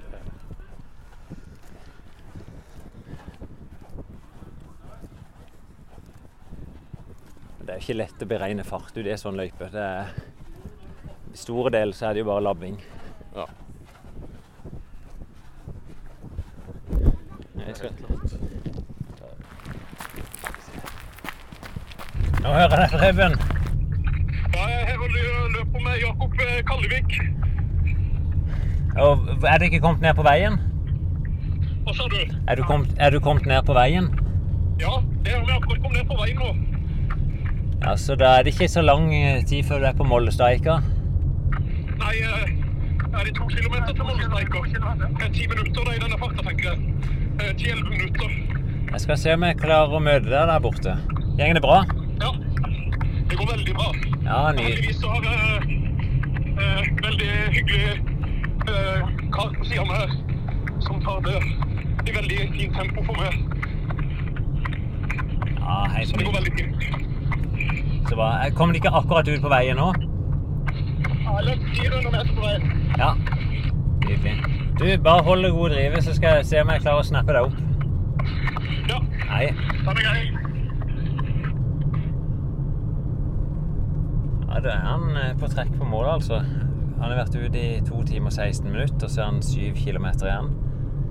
Så springer han kanskje 6 minutter på kilometeren. 7 ganger 6, 48. Ja, det blir sånn skal akkurat holde til å kunne klare det. Hvis han har en god avslutning nå. Jeg skal se om jeg klarer å, å hente han opp her borte. Da står jeg med molleseik, altså. En 1000 år gammel eik. Nesten ta bilder òg. Mens det Fyge løpere forbi. Hei, så bra. Der har vi Preben òg. I veldig fint driv, altså. Det ser ut som du er ute på en lett joggetur. Ja, eh, jeg har det relativt behagelig. Det er fem kilometer igjen til mål. Hva sa du? Fem kilometer igjen, og vi har 35 minutter igjen. Vi kommer under tre timer. Vil det gå? Hva sa du? Vil det gå? Ja, det vil vi. Ja, absolutt. Ja, ja. Jeg var så heldig å bli kjent med Jakob her Ja. på løpeturen. Han er jo i samme klubb som deg. Ja, det viser seg at han er jo eh, ute og koser seg, da. Han skal, vi skal jo ut og springe 170 km neste Ja, Ok, da. Dette er siste langturen. Det er greit å ta gubben som er toppkjøring, da. Og han eh, spurte om jeg kunne henge med på han. Han sa ja, men han kommer ikke til å pushe fart eller noen ting. Nei. Men det viser seg at eh, han kommer i mål på under tre timer. Passer perfekt for meg å ligge sammen med han. Det ser ut som du ikke ter igjen folk her hjemme til slutt. Hva sa du? Det ser ut som du ikke ter folk igjen. Ja, vi, eh, eh, det er jo eh, mange som har begynt for hardt, virker det som. Du, nå skal jeg hjem og arrangere bursdag, så Ja. jeg bare ønsker deg god tur til mål. Ja, tusen takk. Ring meg igjen opp når du er i mål.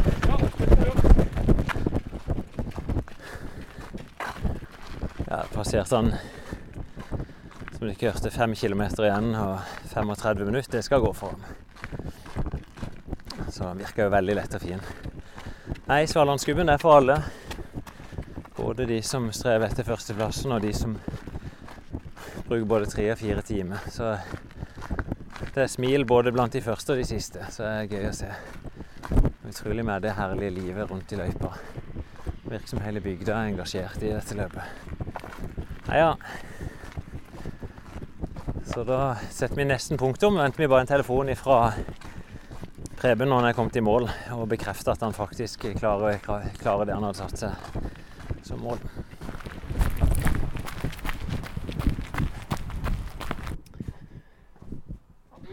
Nå, Preben, nå er jeg spent. Ja, nå er jeg endelig kommet i mål. Ja. Jeg kom eh, inn på to ifølge min egen klokke rett under 2,52. Ja, det er jo nydelig. Ekstremt uh, lett. eh, altså, jeg har vært snill med meg sjøl, så dette ble lett. Men jeg skal jo presse til neste år òg. Så eh, Så det var veldig Ja, men, Følte du hadde kontroll hele veien? Ja, eh, jeg er ikke så veldig god i terreng. Så jeg hadde to tryn som, eh, som jeg svei litt. Men eh, med en gang det ble eh, grus og asfalt, så var det fullstendig kontroll. Ja, det er ikke noe grusløp, men Du virka jo veldig lett når du kom ned på veien der. ja. Eh, det, som er fordelen med å gå veldig forsiktig ut, er jo det at du får gleden av å ta forbi alle de stakkarene som har pusha seg altfor hardt i begynnelsen. Ja, så klart. Og det gir meg en enorm styrke å og pushe på enda mer. Jeg møtte på din bror òg, og um, han sa jo med sine egne ord at eh, han drev og lurte litt på å få gjennomført dette løpet sjøl. Ja, Så vi får se om vi kan dra han inn i studio. Så jeg sa at eh, han skal slippe å måtte love noe nå, men eh, han kan tenke på det fram til vi møtes i studio. Ja. Jeg tror nok at når du har satt i gang den greia, at det blir vel fort uh, blir vel fort Svalandskuben til neste år hvis han klarer å opprettholde treninga. Ja, vi får se. Du må i hvert fall eh, gratuleres mye. Det var gøy å være med deg, og gøy at du klarte det. Ja, nei, det var veldig gøy.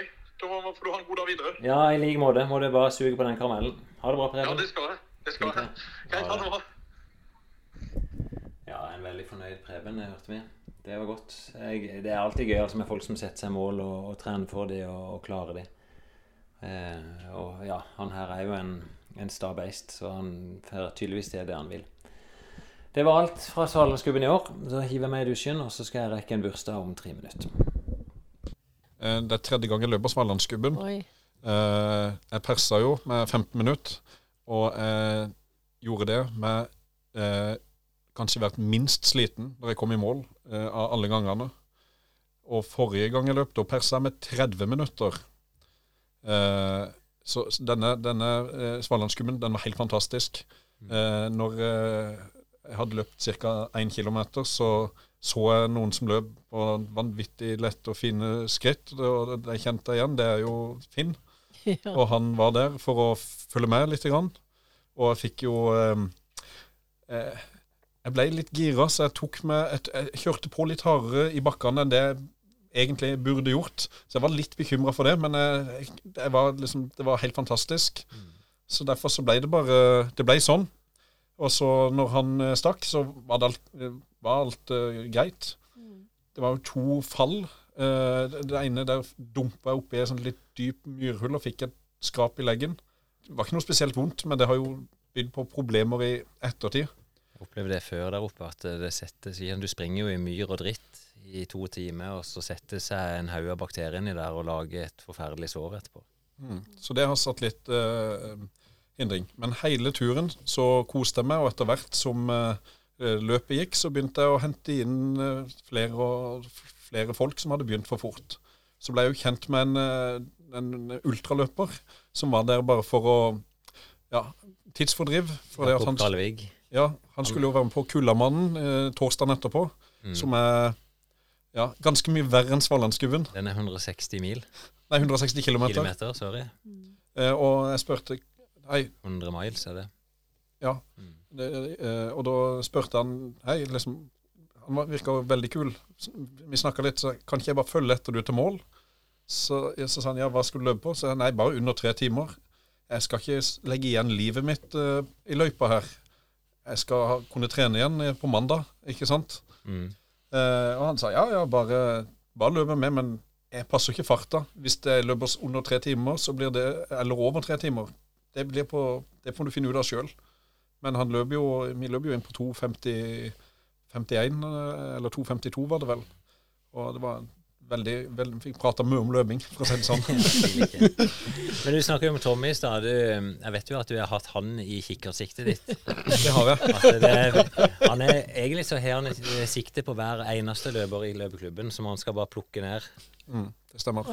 Så, og det begynte med Tommy. Det var vel det tydeligste målet fra starten. At du skulle bli så god at du skulle kunne slå Tommy. Ja, det er helt sant. Og har det oppgjøret funnet sted? Eh, det har ikke vært noe offisielt eh, oppgjør eh, mot hverandre da, holdt jeg på å si. Så, så det, er det er vanskelig å si. Min halvmaratontid er iallfall bedre enn hans halvmaratontid.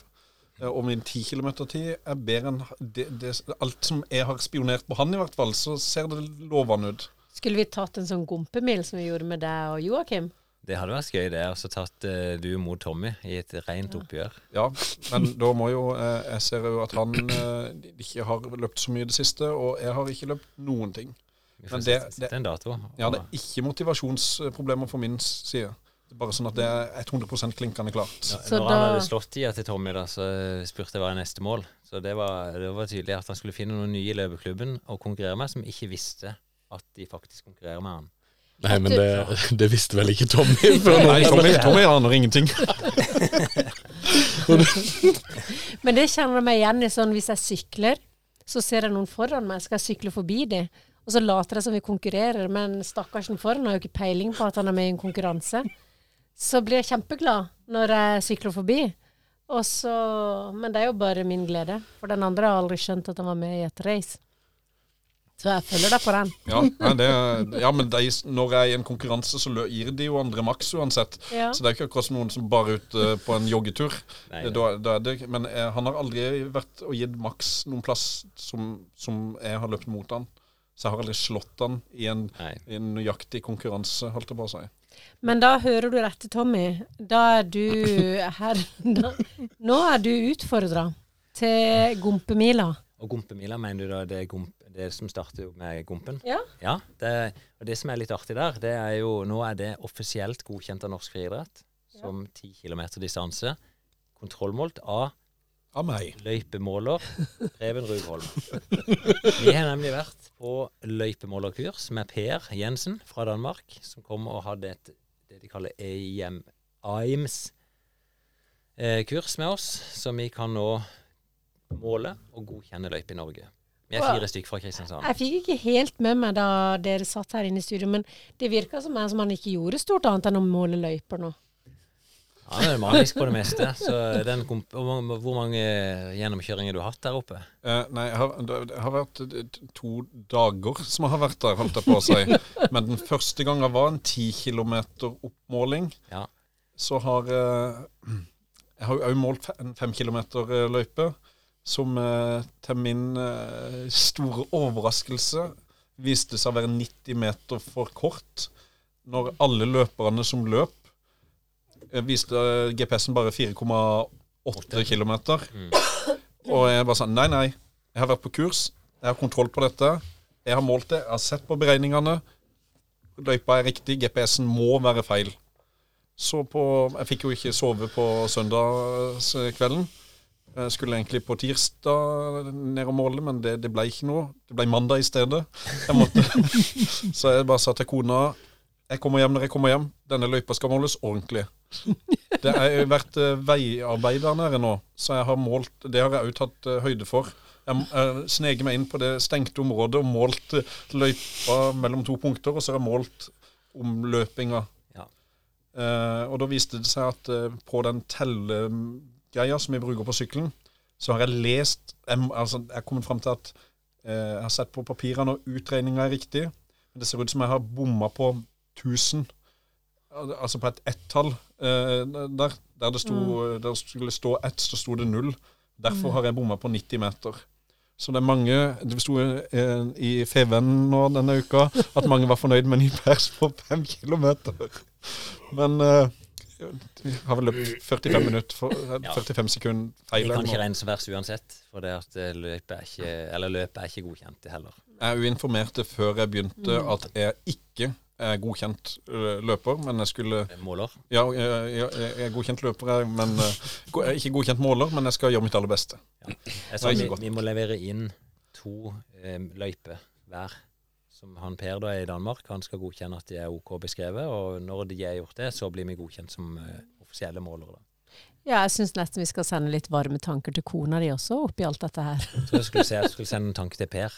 Ja, det trenger jeg. ja, eh, Jo, um, hun er ekstremt tålmodig. Det Ja. er en grunn til at jeg ikke har meldt meg på det trenerkurset som, som du snakker om. Det er fordi at jeg får ikke lov til å være med på flere ting som er involvert med løping nå. Det er nok. tar, Det ja, det, Det det, det, det, ja, det er helt sykt. Men du har sagt du skal trene litt neste år òg. Ja, Det er absolutt. nye mål. Ja. Det var 4000 km i år. Ja. Hva er neste års mål? Uh, det blir jo ikke 4000 km i år, så jeg vet ikke hvor mye det blir. Men det blir vel uh, en minimumøkning på 10% altså 4000, Jeg tenker 4500 til 5000 km uh, i år. Neste år vil, Neste skal, gå, skal gå. Ja. Absolutt. Så snakker du nesten ti mil i uka. Ja. Mm. Men uh, Steffen, når du hører din bror uh, snakke sånn, er dette en mann vi ser løpe Norge på langs og, uh, om noen år? Du, det Tar det aldri slutt? Altså, han sier jo sjøl at han tenker på løping fra han våkner til han legger seg, så nei, det, det er vel bare han som vet. Jeg er interessert i alle typer løping, men det er hovedsakelig ekte Altså ikke ekte løping, men, eh, men eh, opp til maratondistanse, som jeg er interessert i nå. Mm. Eh, da traff du Finn rett i hjertet. For det Ja. han Han har enda ikke løpt det der ultramaratonet. Det er mange som han, driver og minner meg om det der. Ja. Til og med Jakob Kallevig, når vi var ute og sprang på Svalandsgubben, så får jeg høre liksom de her stikkene om at Mm. det mangler et ultraløp. Og det gjør det. Og stort sett så har uh, Finn et lunt smil på lur, utenom når han snakker om ultraløp. Da blir det, det, jeg har jo jobba seks år i Forsvaret og gått marsje på syv døgn. Så det, for meg så er det sånn løping som handler om den prestasjonen det er å springe fort og presse seg. Og det blir ikke helt det samme på et ultraløp. Det blir litt mer tur og litt mer kos. Ja, men hva er den greia med det rundt og rundt inne på Bislett stadion? Det er jo flere løp der, men nå hadde de jo Bislett 24 timers. Ja. Da springer de lengst mulig på ett døgn. Men det er bare 500 meter rundt der. Rett over 500 meter, ja. Du må jo bli helt uh... Nei, men de snur jo etter tolv timer, vet du. Så snur de veien. Å, herlig land. Det Nei, det er spesielt. Jeg har aldri vært der nede, men jeg har fått beskrevet at det er ganske mye lukter. At eh, Det ene er at det, det blir kroppslig lukt, men folk eh, får ofte problemer med magen. Og det blir mye spying. Og det skal jo drites, og det skal Ja. I tillegg så har jeg jo sett eh, så så jeg jo buffetbordet til Frank Løke. Og der var det jo sylteagurker og nudler og ja, all verdens uh, godsaker. Så hvis du blander det inn i luktene, så blir det sikkert uh, hjelper noe. ikke. Men det skal være det er jo ikke sånn at jeg ser ned på prestasjonen som de beste gjør her. For det er jo Nå, nå sprang de litt over 260 km på et døgn. Altså mer enn 10 km i timen. Hver 10 km under 60 minutter i 24 timer. Jeg hadde jo aldri klart det, så det er jo ikke sånn at jeg tenker at jeg er bedre enn de. Men det er ikke noe som tiltaler meg med å gjøre det. Men jeg skal gjøre det. Det er absolutt Du skal ikke løpe en 24 timers, regner jeg med? Nei, men vi, du kan jo stille opp i en 24 timer, så vil jo tida gå. Du må jo ikke nødvendigvis springe så langt. Du må jo ikke løpe hele tida. Det er bare å ha vært på starten og når du skal i mål. Men eh, ja. Men de sover ikke noen ting. Det er jo valgfritt. Jeg, nå vet jeg ikke akkurat reglementet der, men jeg tror du må ha en minimumsdistanse for at det skal bli godkjent som et 24-timers løp. Jeg vet ikke om du får lov å ligge og sove for lenge. Du får lov å sove under eh, svensk mesterskap eh, i, juli i år. Da var han som kom på andreplassen. Etter jeg tror det var etter s- s- 17 timer så var han så sliten at han bare måtte, måtte legge seg rett ned i ti minutter. Og så måtte de vekke han, og da var han overraskende pigg, sa han, når han våkna. Og kom inn til en andreplass på 24 timer. Det er det ikke tid til på et maraton. Åh, nei, og dette her er helt frivillig. Jeg syns det er utrolig morsomt. Men det er jo, du hører jo litt av den der uh, iveren og driven han har. Og du har jo prøvd å utsette din bror for litt trenerhjelp, du òg. Ja. Vi hørte litt om det sist, men du kan jo fortelle litt hvordan det gikk sist. For det viser vel at du ikke hadde løpt en halv maraton før var det rundt nyttår i fjor? Ja, det stemmer det. Ja, Men da var det ikke jeg som var treneren. Da var det coach Garmin som var treneren. ja, var det, du brukte Garmin, altså klokka, eller, som fortalte deg hva du skulle gjøre? Ja. ehm, eh, I all, aller først så var det vel um, noe jeg satte opp sjøl og planla sjøl. Og eh, jeg prata jo litt med Preben og, og hørte på dere på podkasten og ble veldig inspirert av det, i hvert fall. Uh, og når det var vel tre måneder igjen, så starta jeg et sånn Garmin coach-program. da. Valgte en trener og satte et mål og prøvde å jobbe mot det, da. Mm. Men uh, Og hva var målet? det var um, eh, Nå husker jeg ikke helt hva jeg sa Jo, det var, jeg satt um, 2,20. Ganske god uh, løping, altså 70 minutter. Ja, enda fortere enn det, ja. På Mm. 65 det- nesten på hver 10 km. Mm. Eh, og og um, da hadde jeg fra før en pers på 2,21 som har stått i ganske mange år, da. Eh, så, så det var Altså, tallet kom fra å få en ny pers.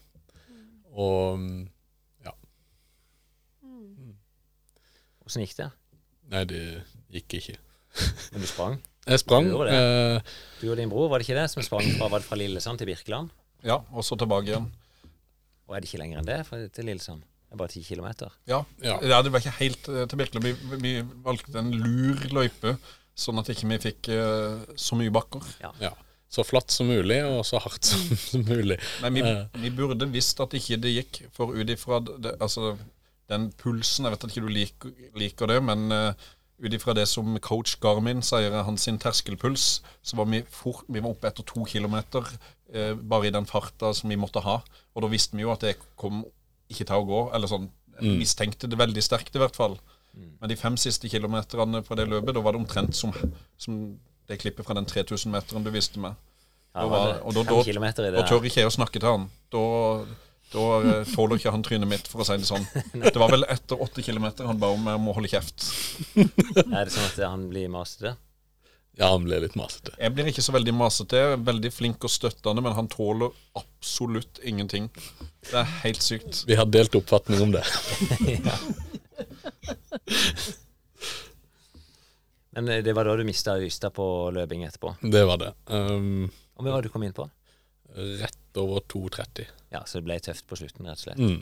Jeg, jeg kan bare kommentere i forhold til puls. Er det, det som er vanskelig med puls og konkurranse, er jo at du får et visst sånn, eh, adrenalin, du får en nerve som gjør at pulsen lett blir forhøya, uten at det nødvendigvis betyr at du ligger forbi det som er reell terskel. Men pulsen kan være forhøya.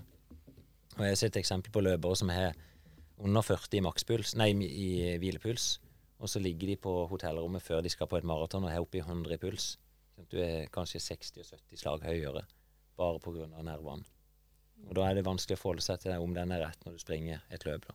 Ja. Men jeg er ikke imot å bruke puls uh, i trening, men det, det, kan, det, det er ikke så enkelt som folk vil ha det til. For Nei. det er så mange, mange ting som påvirker pulsen. At det, Men jeg føler at pulsen ofte er veldig høy idet du begynner, og så roer han seg litt etter hvert, som du på en måte kommer inn i siget. Ja, du, du kan få en sånn effekt, men så vil du òg, hvis du springer f.eks. ei intervalløkt, selv på samme fart på ti minutter, så vil pulsen gradvis drifte opp, selv om du er samme innsats. Men jeg tror at hvis du ser på pulsen, fordi om du føler at belastninga er ekstremt høy de ti første minuttene, så er egentlig pulsen lav. Ut ifra det du sier, jeg vet ikke om du har sett på pulsen. Jeg tror ikke den er så høy som du tror. Pulsen Nei. begynner alltid dritlavt eh, de to første kilometerne.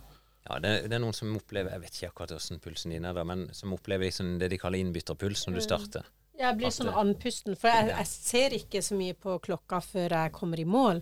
Men jeg, jeg føler meg liksom sånn at jeg, higer etter pusten veldig mye. I begynnelsen, og så går det Det må kanskje gå fem minutter Ja. før eh, Hvis ting sett seg. bare begynne litt roligere. Eller eventuelt begynne med å gå, så slipper du det der. Ja. Men ehm, det er utrolig gøy å høre på dere, og jeg blir liksom Det, er- det er nesten litt sånn eh, Ja, litt sånn kokoland. For det er sant det, det er sant det du sier, ikke sant? At du er så opptatt av løping. Ja, du kan spørre alle som jeg kjenner. Du òg. Jeg kan bekrefte ja, jeg, jeg kjenner deg jo ikke så godt, så det kan jo hende at du sitter her og bare eh, tuller. Men du er virkelig så gira. Ja, det stemmer. Eh, jeg hører jo selvfølgelig ikke bare på Løpetid-podkasten. Jeg har hørt alle andre norske podkaster òg, og svenske, som har gått over til danske podkaster.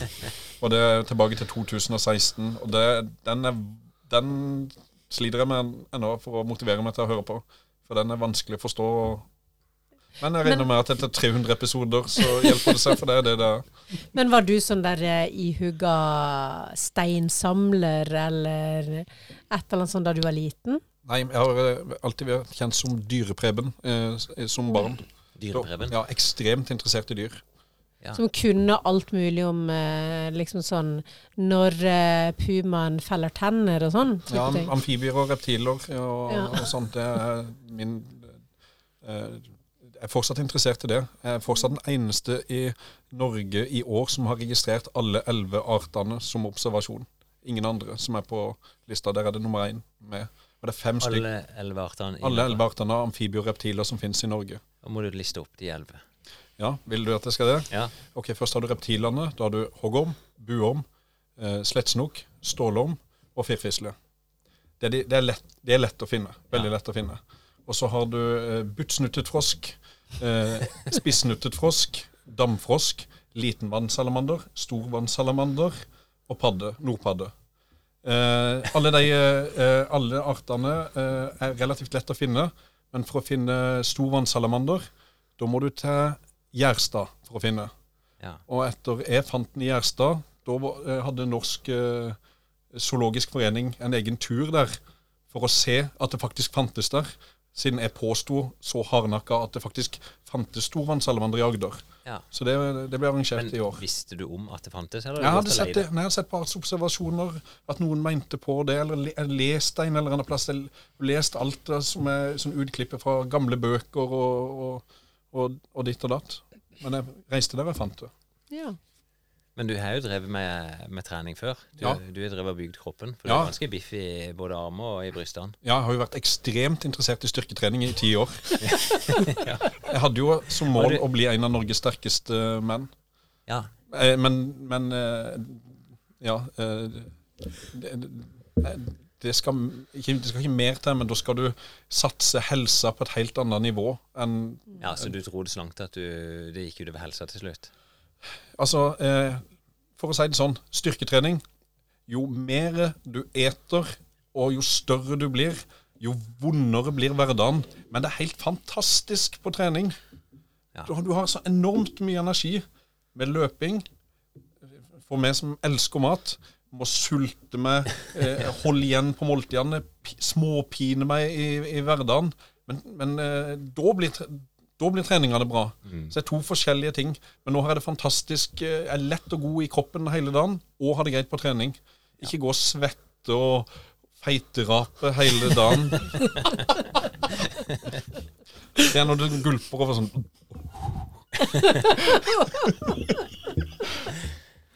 Og løping er noe helt annet. Nå som jeg er blitt skada, så har jeg hatt eh, tolv styrkeøkter de siste to ukene. Og det er ikke det samme. Det er, det er, nå som jeg er vant til å være ute og løpe i det fri, inn på det treningsstudioet, folk står i veien. Eh, akkurat som hvis du planlegger at du skal løpe en 1000 meter, så må du vente i 40 minutter for at du kan få løpe den 1000-meteren. Og, og mens du er vekk, så er det noen som har tatt, eh, tatt 1000-meteren til neste runde igjen. Det, det, det, det har reist i, eh, Forrige onsdag så reiste jeg fra Sinne fra treningsstudio fordi at knebeirekket var opptatt. Ja. Det er det tatt. Ja. Nei, men Det høres jo ut som det er, det er en ganske ekstrem Altså Det du går inn for, er du ganske ekstrem på.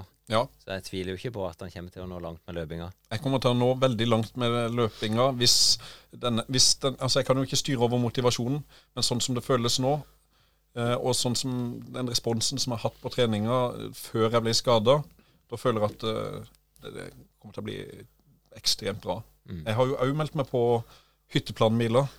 Eh, jeg, jeg sto jo i kø klokka tolv den tirsdagen det kom, for å være 100% sikker på å få plass. Ja. Eh, Og det fikk jeg. Og da satte jeg som mål 39 minutter. Det er jo et temmelig Altså, det er helt Mine er jo helt vilt mål. Det er jo mange i løpeklubben som, eh, som klarer det, selvfølgelig. Men hvis jeg kommer inn på det, da, da begynner det å hjelpe. Ja, da er det virkelig løping.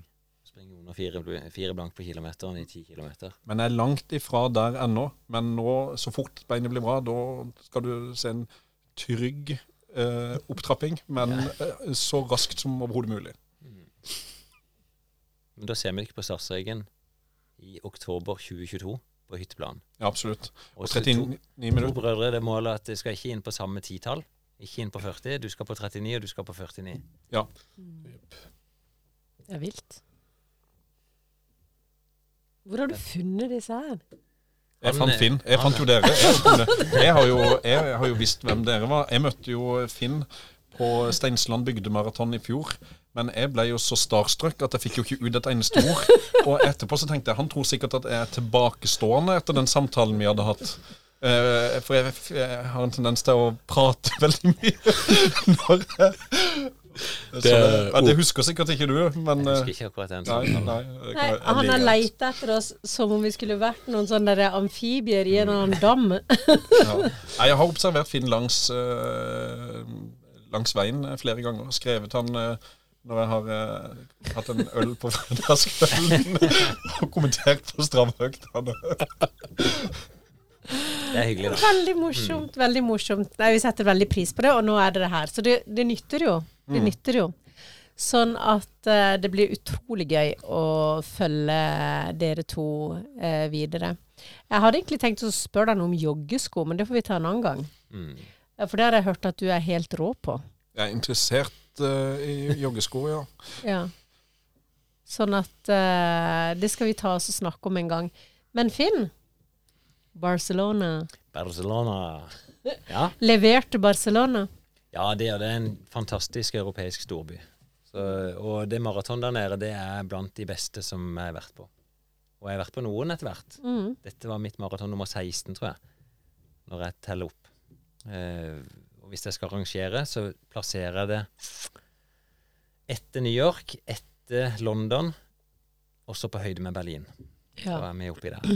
Mm. Eh, ikke så mange løpere. Det var vel jeg lurer på om det var 15 000 løpere. Eh, men ei vanvittig sånn opphisking før start. Eh, alle løperne er samla på en ganske sånn ja, åpen plass. Eh, og det er nedtelling, og det er svære buer. Og så idet startskuddet skal til å gå, så istedenfor at ikke sant, du teller ned, dum, dum, og det er tromme, så plutselig så blir det helt stille, og så begynner de å synge Barcelona-sangen. Oi, oi, oi. Og jeg vet ikke hva operasangerne heter, men Ja. dette var to artister da som sto på toppen, og så framfører de hele sangen, fem-seks minutter, og så boom, så blir du sendt av gårde. Så det er stas. Ja. Nei, og da Vi var vel tolv stykk, tenker jeg, fra løpeklubben pluss, eh, som reiste ned. Med egentlig veldig forskjellige mål. Så det, planen var vel at ingen skulle springe sammen med noen, nærmest. Eh, jeg hadde følge av Christian Kjørnholm, som Han er jo en veldig god løper, men han hadde ikke forberedt seg så godt til dette løpet her. Så han skulle bare liksom være på slengeren og henge på. Og ellers så var det bare å klare seg sjøl. og det gikk så det sang, det. Jeg, var, jeg hadde jo et mål på rundt 2.35.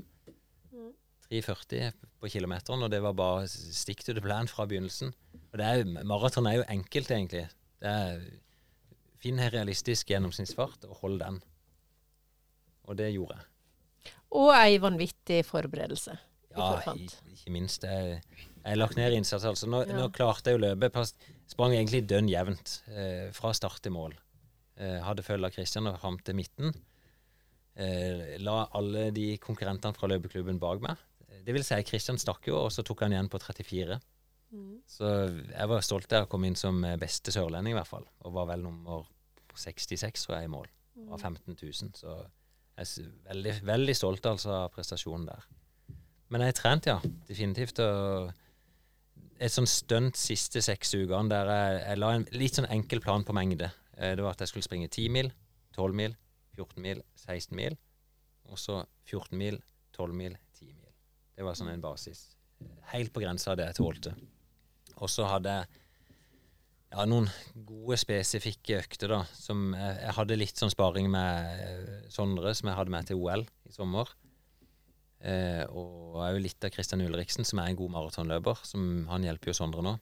Det er egentlig ålreit å bare ha noen å snakke med om hvilke økter som Selv om jeg kan det sjøl, så er det greit å bare sånn få den der lille støtten.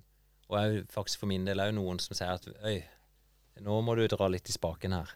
Og av alle, da, at Sondre Nordstad Moen skal si til meg at eh, nå begynner det å bli for gårdrådig din. så er det, han er god, som, god til å fortelle andre hva de skal gjøre, men han er jo ikke så god til å fortelle seg sjøl alltid åssen han skal holde igjen. Men når du sier for grådig, betyr det at man trener for mye? Ja, du, det, det er litt sånn Når du skal nå noen så ekstreme mål, så må du Eller må du bli manisk til slutt. Altså eh, det, det oppsluker nesten alt. Og du har lagt en plan, og du blir så opptatt av å følge den at det er veldig vanskelig når du stender og, egentlig kjenner på vondt i beina, ikke fullføre planen. Det er nesten umulig. Og, da er det greit å ha noen på sida som kan si, vet du hva, det du forteller meg nå, forteller meg at du egentlig bør stå av den økta, eller utsette den harde økta. Jeg syns det er veldig interessant å høre deg si det. For det, sånn som du sier, Sondre Nordstadmoen er veldig flink til å si det til andre, men mm. ikke til seg sjøl, så er jo du akkurat lik. Ja da. For du er jo vanvittig Det- god til å lese folk og si at eh, eh, liksom sånn Heller legg deg litt bakpå, pass på ditt Det er jo på en måte kanskje din styrke, at man føler seg veldig ivaretatt når du følger med. Og så er du er et beist mot deg sjøl, liksom. Ja, men det er alltid vanskeligere å, å begrense seg sjøl. Ja. Men jeg visste jo at for å klare 2,35 så er jeg nødt til å være ganske ekstrem. Det er fort. Det er, ehm, det er ikke noe, jeg kan ikke bare slentre rundt og ta øktene som det kommer. Jeg er nødt til å utfordre meg sjøl. Hvor viktig var det å, for deg å nå det målet? Hva hadde skjedd hvis ikke det hadde gått? Nei, det er jo ingen som har På et vis Det skjer jo ingenting.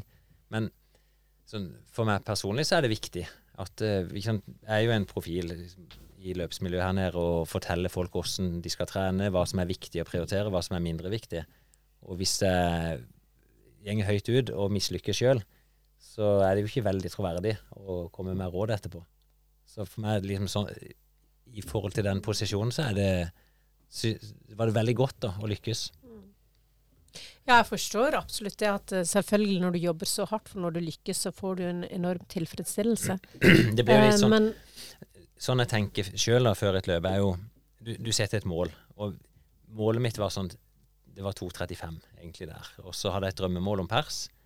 Og så er det sånn OK, hva er skammålet, liksom? Er det, hvor er du skikkelig misfornøyd? Og for meg så var det eh, 2,40, eller Erik Bergåsen som er i klubben, som hadde løpt på 2,39 tidligere. Han er jo en veldig god løper, men jeg har ikke lyst til å bli slått av Erik. Så det var sånn, hvis jeg springer saktere enn det, så er det, da er det krise. det er jo han som løper eh, i ørkenen og gjør alt mulig. Ja, ja, han er, Erik er jo norsk mester på 100 km og har vært VM-deltaker på 100 km, så han er jo veldig god. Kjipt å bli slått av han. Nei, men det blir jo litt sånn I en klubb, da, så, så du så, Ikke rang, rangering, men du vet hvem du konkurrerer med, og, og han er en som jeg alltid ønsker å slå. Eh, og da var det veldig godt når jeg Det blir jo sånn Jeg, jeg begynte å, å få litt bang anelse litt forbi halvveis, at dette er ikke sikkert ville gå. Og da begynner jeg å regne, liksom. Og da er det liksom OK, jeg kan ak akseptere 2.37-2.38. Da er det sånn greit. Og så begynte jeg å se hvor sakte kan jeg løpe for å klare det. Um, men jeg klarte heldigvis å opprettholde farta, da. Og når jeg da kom inn på 2.35, så er det, det var stor jubel. Ja. Slo til meg Jan Post. Det var viktig. Jeg, Det var så viktig. ja, jeg var Jeg vet jo han han, eh, han slo meg en gang i New York, der, eh, og da hadde han snakka seg litt ned i forkant. At eh, nei, jeg hadde slått han i Berlin noen uker i forkant. Og så dundra han til og ble beste nordmann i New York og slo meg med seks minutter. Eh, så Var det den gangen du ble så dårlig, eller var det gangen Nei da, jeg sprang bra da, men Jan var bare veldig god. Men jeg frykta at det var tilfellet nå òg, at han på et vis hadde lurt meg litt. For, han vet hva som skal til for å springe fort. Så jeg så han etter eh, 25, og springer opp og ned ei gate, og hilste på han og så at eh, han er på vei. Han, han, han kjører jevnt. Men eh, det ble 2,40 på han, da, så han var de nødvendige fem minuttene bak. Jeg har et spørsmål angående det løpet. Ja. Da løper jo du på noen eh, veldig eh, eh, kjente sko Ja. som eh, er blitt veldig omdiskutert i løpemiljøet. Ja, det, jeg valgte Alphafly. Ja. Jeg vet jo at du ikke er så opptatt av sko, og, og det, det liker jeg, men jeg er veldig interessert i å høre hva er dommen på de skoene? Ja, det, det er veldig vanskelig for meg å si at jeg har løpt fortere pga. de skoene i det løpet. De, av alle ting jeg så fant jeg ut at de var punktert når jeg kom i mål. Og jeg vet ikke når det skjedde. Eh, men det er jo fire puder under, og ei av de var punktert. Men det som jeg kjente, det gjorde meg i hvert fall i stand til å tåle mer trening. Altså de er veldig snille for beina. Eh, og jeg kunne gjøre, altså jeg kunne gjennomføre uker på 140-160 km. Det, det vet jeg ikke om jeg hadde klart på, på si, gamle type sko. Eh, sånn jeg husker trening før når jeg gjorde de maratonøktene, var at jeg fikk ofte vondt i beina. Men dagen etter maraton nå, jeg var fullstendig knust i beina. Og, og flere dager etterpå. Så jeg velger å si at jeg tror ikke jeg hadde løpt for, Altså, jeg kunne løpt like fort på vanlige sko. Ja, du tror, at, du Men tror ikke det hjelper? Jeg, nei, men jeg, jeg tror nok Hadde jeg bare hatt vanlige sko, så hadde jeg ikke kunnet gjøre det jeg gjorde de siste seks ukene. Da måtte jeg hatt lengre oppkjøring og lengre tilvenning. Ja, nei, Det er bare Så- veldig interessant å høre. Og, men jeg har jo skjønt sånn Jeg er jo ikke noe sånn der skofantast, altså, men eh, nå begynner det jo å komme tilsvarende modeller hos mange, mange leverandører. Så både Essex og Puma er langt framme, Adidas er langt framme. Så nå begynner det i hvert fall å bli likt, da. Ja, Det er gjort en stor studie nå eh, på forskjellige løpesko. Uh, i, i, ikke i forhold til fart, men i forhold til hvor effektivt du løper i 16 km i timen. Ja, det er jo ca. den farta jeg springer. Ja, og da, og da viser det seg at eh, Nike uh, mot en vanlig sko kan du, eller iallfall ifølge de som har lagd den testen, løpe ca. 4% mer energisparende. Ja, så Men, det, jo, men det, jo, det gjelder jo de løperne som har testa det. Mm. Og det er jo i snitt. Uh, Ja, for det, akkurat denne her skoen er veldig spesiell. Jeg var veldig i tvil om jeg skulle velge den til slutt. Uh, han er relativt lite dropp, sånn at du får litt belastning i, i leie, eller annen belastning i leggene. Og så er det en sånn veld, veldig rar sprett i det. Det er jo luftbudet foran. Før har jo Nike hatt det bak, mens nå er det foran. Jeg har jo hørt at flere løpere sier at Alphaflyen At eh, hvis du er, ikke har et bra løpesteg, hvis du blir sliten i slutten, så kan det nesten føles som at den dytter deg bakover når du løper. Mm. Så, og, og det er jo noe av det jeg har diskutert med Sondre, for han er, brukte de og testa de veldig ut. Eh, faktisk så hadde jeg et lite sånn mantra fra han, for det, noe av det siste han sa, var at eh, det var sånn Husk nå, Finn, skoene kommer til å bære deg inn fra 30. så det, når jeg hadde passert 30, så tenkte jeg at jeg får i hvert fall bruke det mentalt. At eh, nå skal jeg få hjelp av skoene. Og for at de skal hjelpe meg, så må jeg ha høy frekvens. Så jeg jobba veldig med det. Altså bare ha god fart på beina. Ja, ja jeg, jeg, jeg, jeg tror ikke at det eh, hadde gjort så mye forskjell eh, i forhold til hva som treninga har visst og sånn. Men jeg var bare interessert i å høre dom fra en som ikke er så utstyrsfanatiker. Nei da. Men jeg, jeg opplever at det er gode sko og skånsomme å trene i. Og det var derfor jeg valgte de Nike-modellene der i, tidlig i vår. For det, jeg har hatt mye trøbbel med leggene. Og tenkte jeg får gi det der eh, en sjanse, da. Og så opplevde jeg at eh, det funka. Så da har jeg beholdt og løpte en del på både Alphafly og, og hva det heter Vaporfly. Og òg noe New Balance som tilsvarende eh, teknologi, da. Plinger det? På tide å reise seg. Å ja. Men alt i alt, maraton, er veldig fornøyd med det.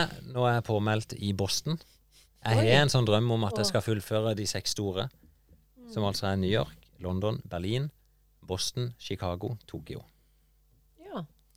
Så da er vi i gruppe. Vi er seks stykker her fra Sørlandet som har meldt oss på. Der er det sånn at du må være kvalifisert. Så Jeg husker sist gang du var kvalifisert. Det var i New York. Ja. Da var det bli kjørt fram på gullstol nesten gjennom eh, New Yorks Og du fikk masse donuts. Ja. Hva er kvalifiseringstida? Ja, det husker jeg jo ikke. Det, var- det var nok sånn at jeg trengte ikke tenke så veldig mye på å klare den. Men var det tre timer eller noe sånt? Tre, Ja. tre timer eller tre ti. Det er den etter er alder. alder, alder, ja. Mm, det blir lettere for hvert år, eller vanskeligere. Ja, for damene så var det rundt 3.35. Og så er det sånn, det er et system at du er ikke nødvendigvis kvalifisert, for de har et gitt antall løpere. Så det er 30 000 løpere. Men i år så var første gang på, ja, på veldig, veldig mange år at alle som hadde klart tida, de fikk plass. I fjor så måtte du springe ni minutter kjappere enn kvalifiseringstida for å få plass. Av at det var, da måtte de ha begrensninger på korona. Og når er neste dette Boston? Det er 18. april. Ja, så da har du jo ei, eh, et halvt år på det. Ja da. Jeg har fått litt vondt i beina, en akille som ble litt uh, sår, så jeg ja, må gjøre litt alternativt nå en periode. Velkommen til, Til klubben, ja. til tåhevklubben. Nei, og så er det, Jeg kommer til å reise ned til Kenya i januar og besøke de som er der nede. Være med med Kristian Kjørnholm, som òg satser på å springe fort til, til neste år. Og så må få løpt litt. Har ikke satt meg noe mål ennå for Boston, men jeg har jo, når jeg først reiser der, så skal jeg jo springe fort. Jeg må i hvert fall være på noe tilsvarende nivå som jeg er nå. Jeg er ikke blitt gammel ennå. Nei, det er, det ikke før til neste år. Nei, jeg blir 47 nå neste uke, Ja. så det, det er ikke gammelt. Nei, men når er det du blir sånn løpegammel? Det jeg ser eh, Når folk begynner å passere 50, så er det mange som rapporterer at eh, de opplever at restitusjonen går opp, altså restitusjonstida går opp, og at de føler at de blir svakere. Så en må smi mens jernet er varmt. Ja. Gutter, det er bare å løpe da fram til man blir 50. Ja, det er ikke noe Så får man ta det igjen på erfaringer etter det. Men, ja, men det er mye erfaring å springe maraton, og det, jeg nyter godt av det. Eh, du kan gjøre noen solide tabber på maraton med å springe for fort for lenge. Og da er det nesten ikke grenser for hvor mye du kan tape på slutten. Uh, og det jeg lærte, er å kjenne igjen den følelsen av hva er for fort. Så ja, jeg var veldig var på det nå. Og det, det er ei løype som henger litt opp og litt ned i Barcelona. Mhm. så, og kilometertidene til Eller lengden på kilometeren varierte fra 850 meter til 1,1-1,2 kilometer. Men på, eh, i New York, så de gangene vi har snakka om det, så har du vært veldig liksom eh, Du har vært veldig glad i å være i New York, og liksom det du har sett rundt deg. Det har nesten vært en sånn sightseeingtur når du har fortalt. Når Ja. du var i Barcelona nå, fikk du en opplevelse av byen? Ja da, du gjør det. Du springer i en sånn stor Om ikke sirkler, så er det en sånn et mønster, om, nesten som hjertemønster. Så du springer opp rundt Camp Nou, du er forbi La Grada da Familia. La Sagrada Familia? Ja. Eh, og mange av de store tingene som er i byen. Eh, og så er det jo ikke sånn at du nistirrer på alt, men du får det med deg. Jeg prøver, prøver sjøl å være litt sånn oppmerksom på det som skjer utenfor bare løpet. Og det er rett og slett for å få tida til å gå. Ja, for det er jo så Det er jo litt kjedelig. Jeg, jeg kan ikke kalle det kjedelig, men jeg- Monotont. Ja. Et maratonløp for meg, det er 42 knepp på klokka. Det er sånn Det er alltid bare inn i den kilometeren som jeg er på nå. Det, er ikke noe, det trenger ikke ha noe annet fokus. Jeg skal ha 3,40 på denne. Hvis det går opp, så er det mm, Da må det gå litt saktere. Hvis det går utfor, så går det litt fortere. Og så er det bare å kneppe på neste kilometer, og så justere. Ja. Og så er det bare å peppe litt publikum. Det er et godt triks altså, for du som skal ut og springe maraton. Det er å bruke publikum. Mm. For veldig mange løpere de, de faller bare ned i den seggesilen og er trøtte og slitne. Og publikum sender jo der i, i hundretusentall og kikker på, og så de òg blir jo slappe. Men da skal det bare en liten sånn vinkende sånn til, eller eh, begge hendene opp, så har du alle publikum med med en gang. Ja. Og da får du mye tilbake. Det er liksom som å gi én ut, får du 100 igjen. Mm. Du sa en gang at man skulle løpe som om man løp gjennom Karl Johan, og det var fullt av publikum som klappa på det. Ja, men så, det er jo sånn å springe maraton. De, de gjør det. Men det er den følelsen jeg sier ofte når du skal trene Altså når folk er og trener til et løp, og hvis ikke du er publikum, så kan du prøve å se det for deg. For da blir du ofte litt stolt. Du strammer deg litt opp. Ja, så du skulle Du sa det også akkurat som noen dro deg i håret. Så du skulle løpe sånn. Så det tenker jeg av og til på når jeg er ute på mine særdeles korte turer. Mm. Ja. Vi Men begynner vi å bli fornøyd med dagens eh, episode? Jeg føler at vi har en del ting å ta igjen, liksom. Vi har fått en del lytterspørsmål vi ikke har svart på. Vi, har, vi ligger litt bakpå. Så vi må få ta på oss Viperflyeren og komme oss litt framover i skoene igjen. Ja, eller Alfaflyen. Oh, ja, ja. Det skal de ha, da. Det jeg får berømme både løpelab og Nike for det at uh, den punkterte skoen Jeg hadde løpt uh, 300 km på det før, før jeg sprang maraton. Uh, og var nede og spurte om hva de tenkte om dette. Så løpelabbet sendte inn, eller kontakta Nike, og jeg fikk helt nye sko tilbake. ja. Så det er kudos til, til begge to. Det er jo ekstremt sjenerøst i forhold til hva folk mener eh, de skoa skal holde i kilometer. Der har du nesten fått to sko for prisen av én, vil jeg si. Ja, jeg er nok det. Ja. Det er derfor jeg gir deg kudos. Nei, men bra. Men det er fint. Egentlig sa du at du har åpna disse her i går, og det er et eller annet som ikke funker på det. Men da eh, Vi hører jo mye mer eh, ifra dere. Og kanskje litt mer om reptiler etter hvert. Så Vi hørte vi ikke alt nå? Var ikke det alle elleve? Jo, jo alle som finnes i Norge, ja. ja, han har garantert noe mer eh, på lur. Så er det bare å ta på seg løpsskoene og komme seg ut. Det er det. Ja.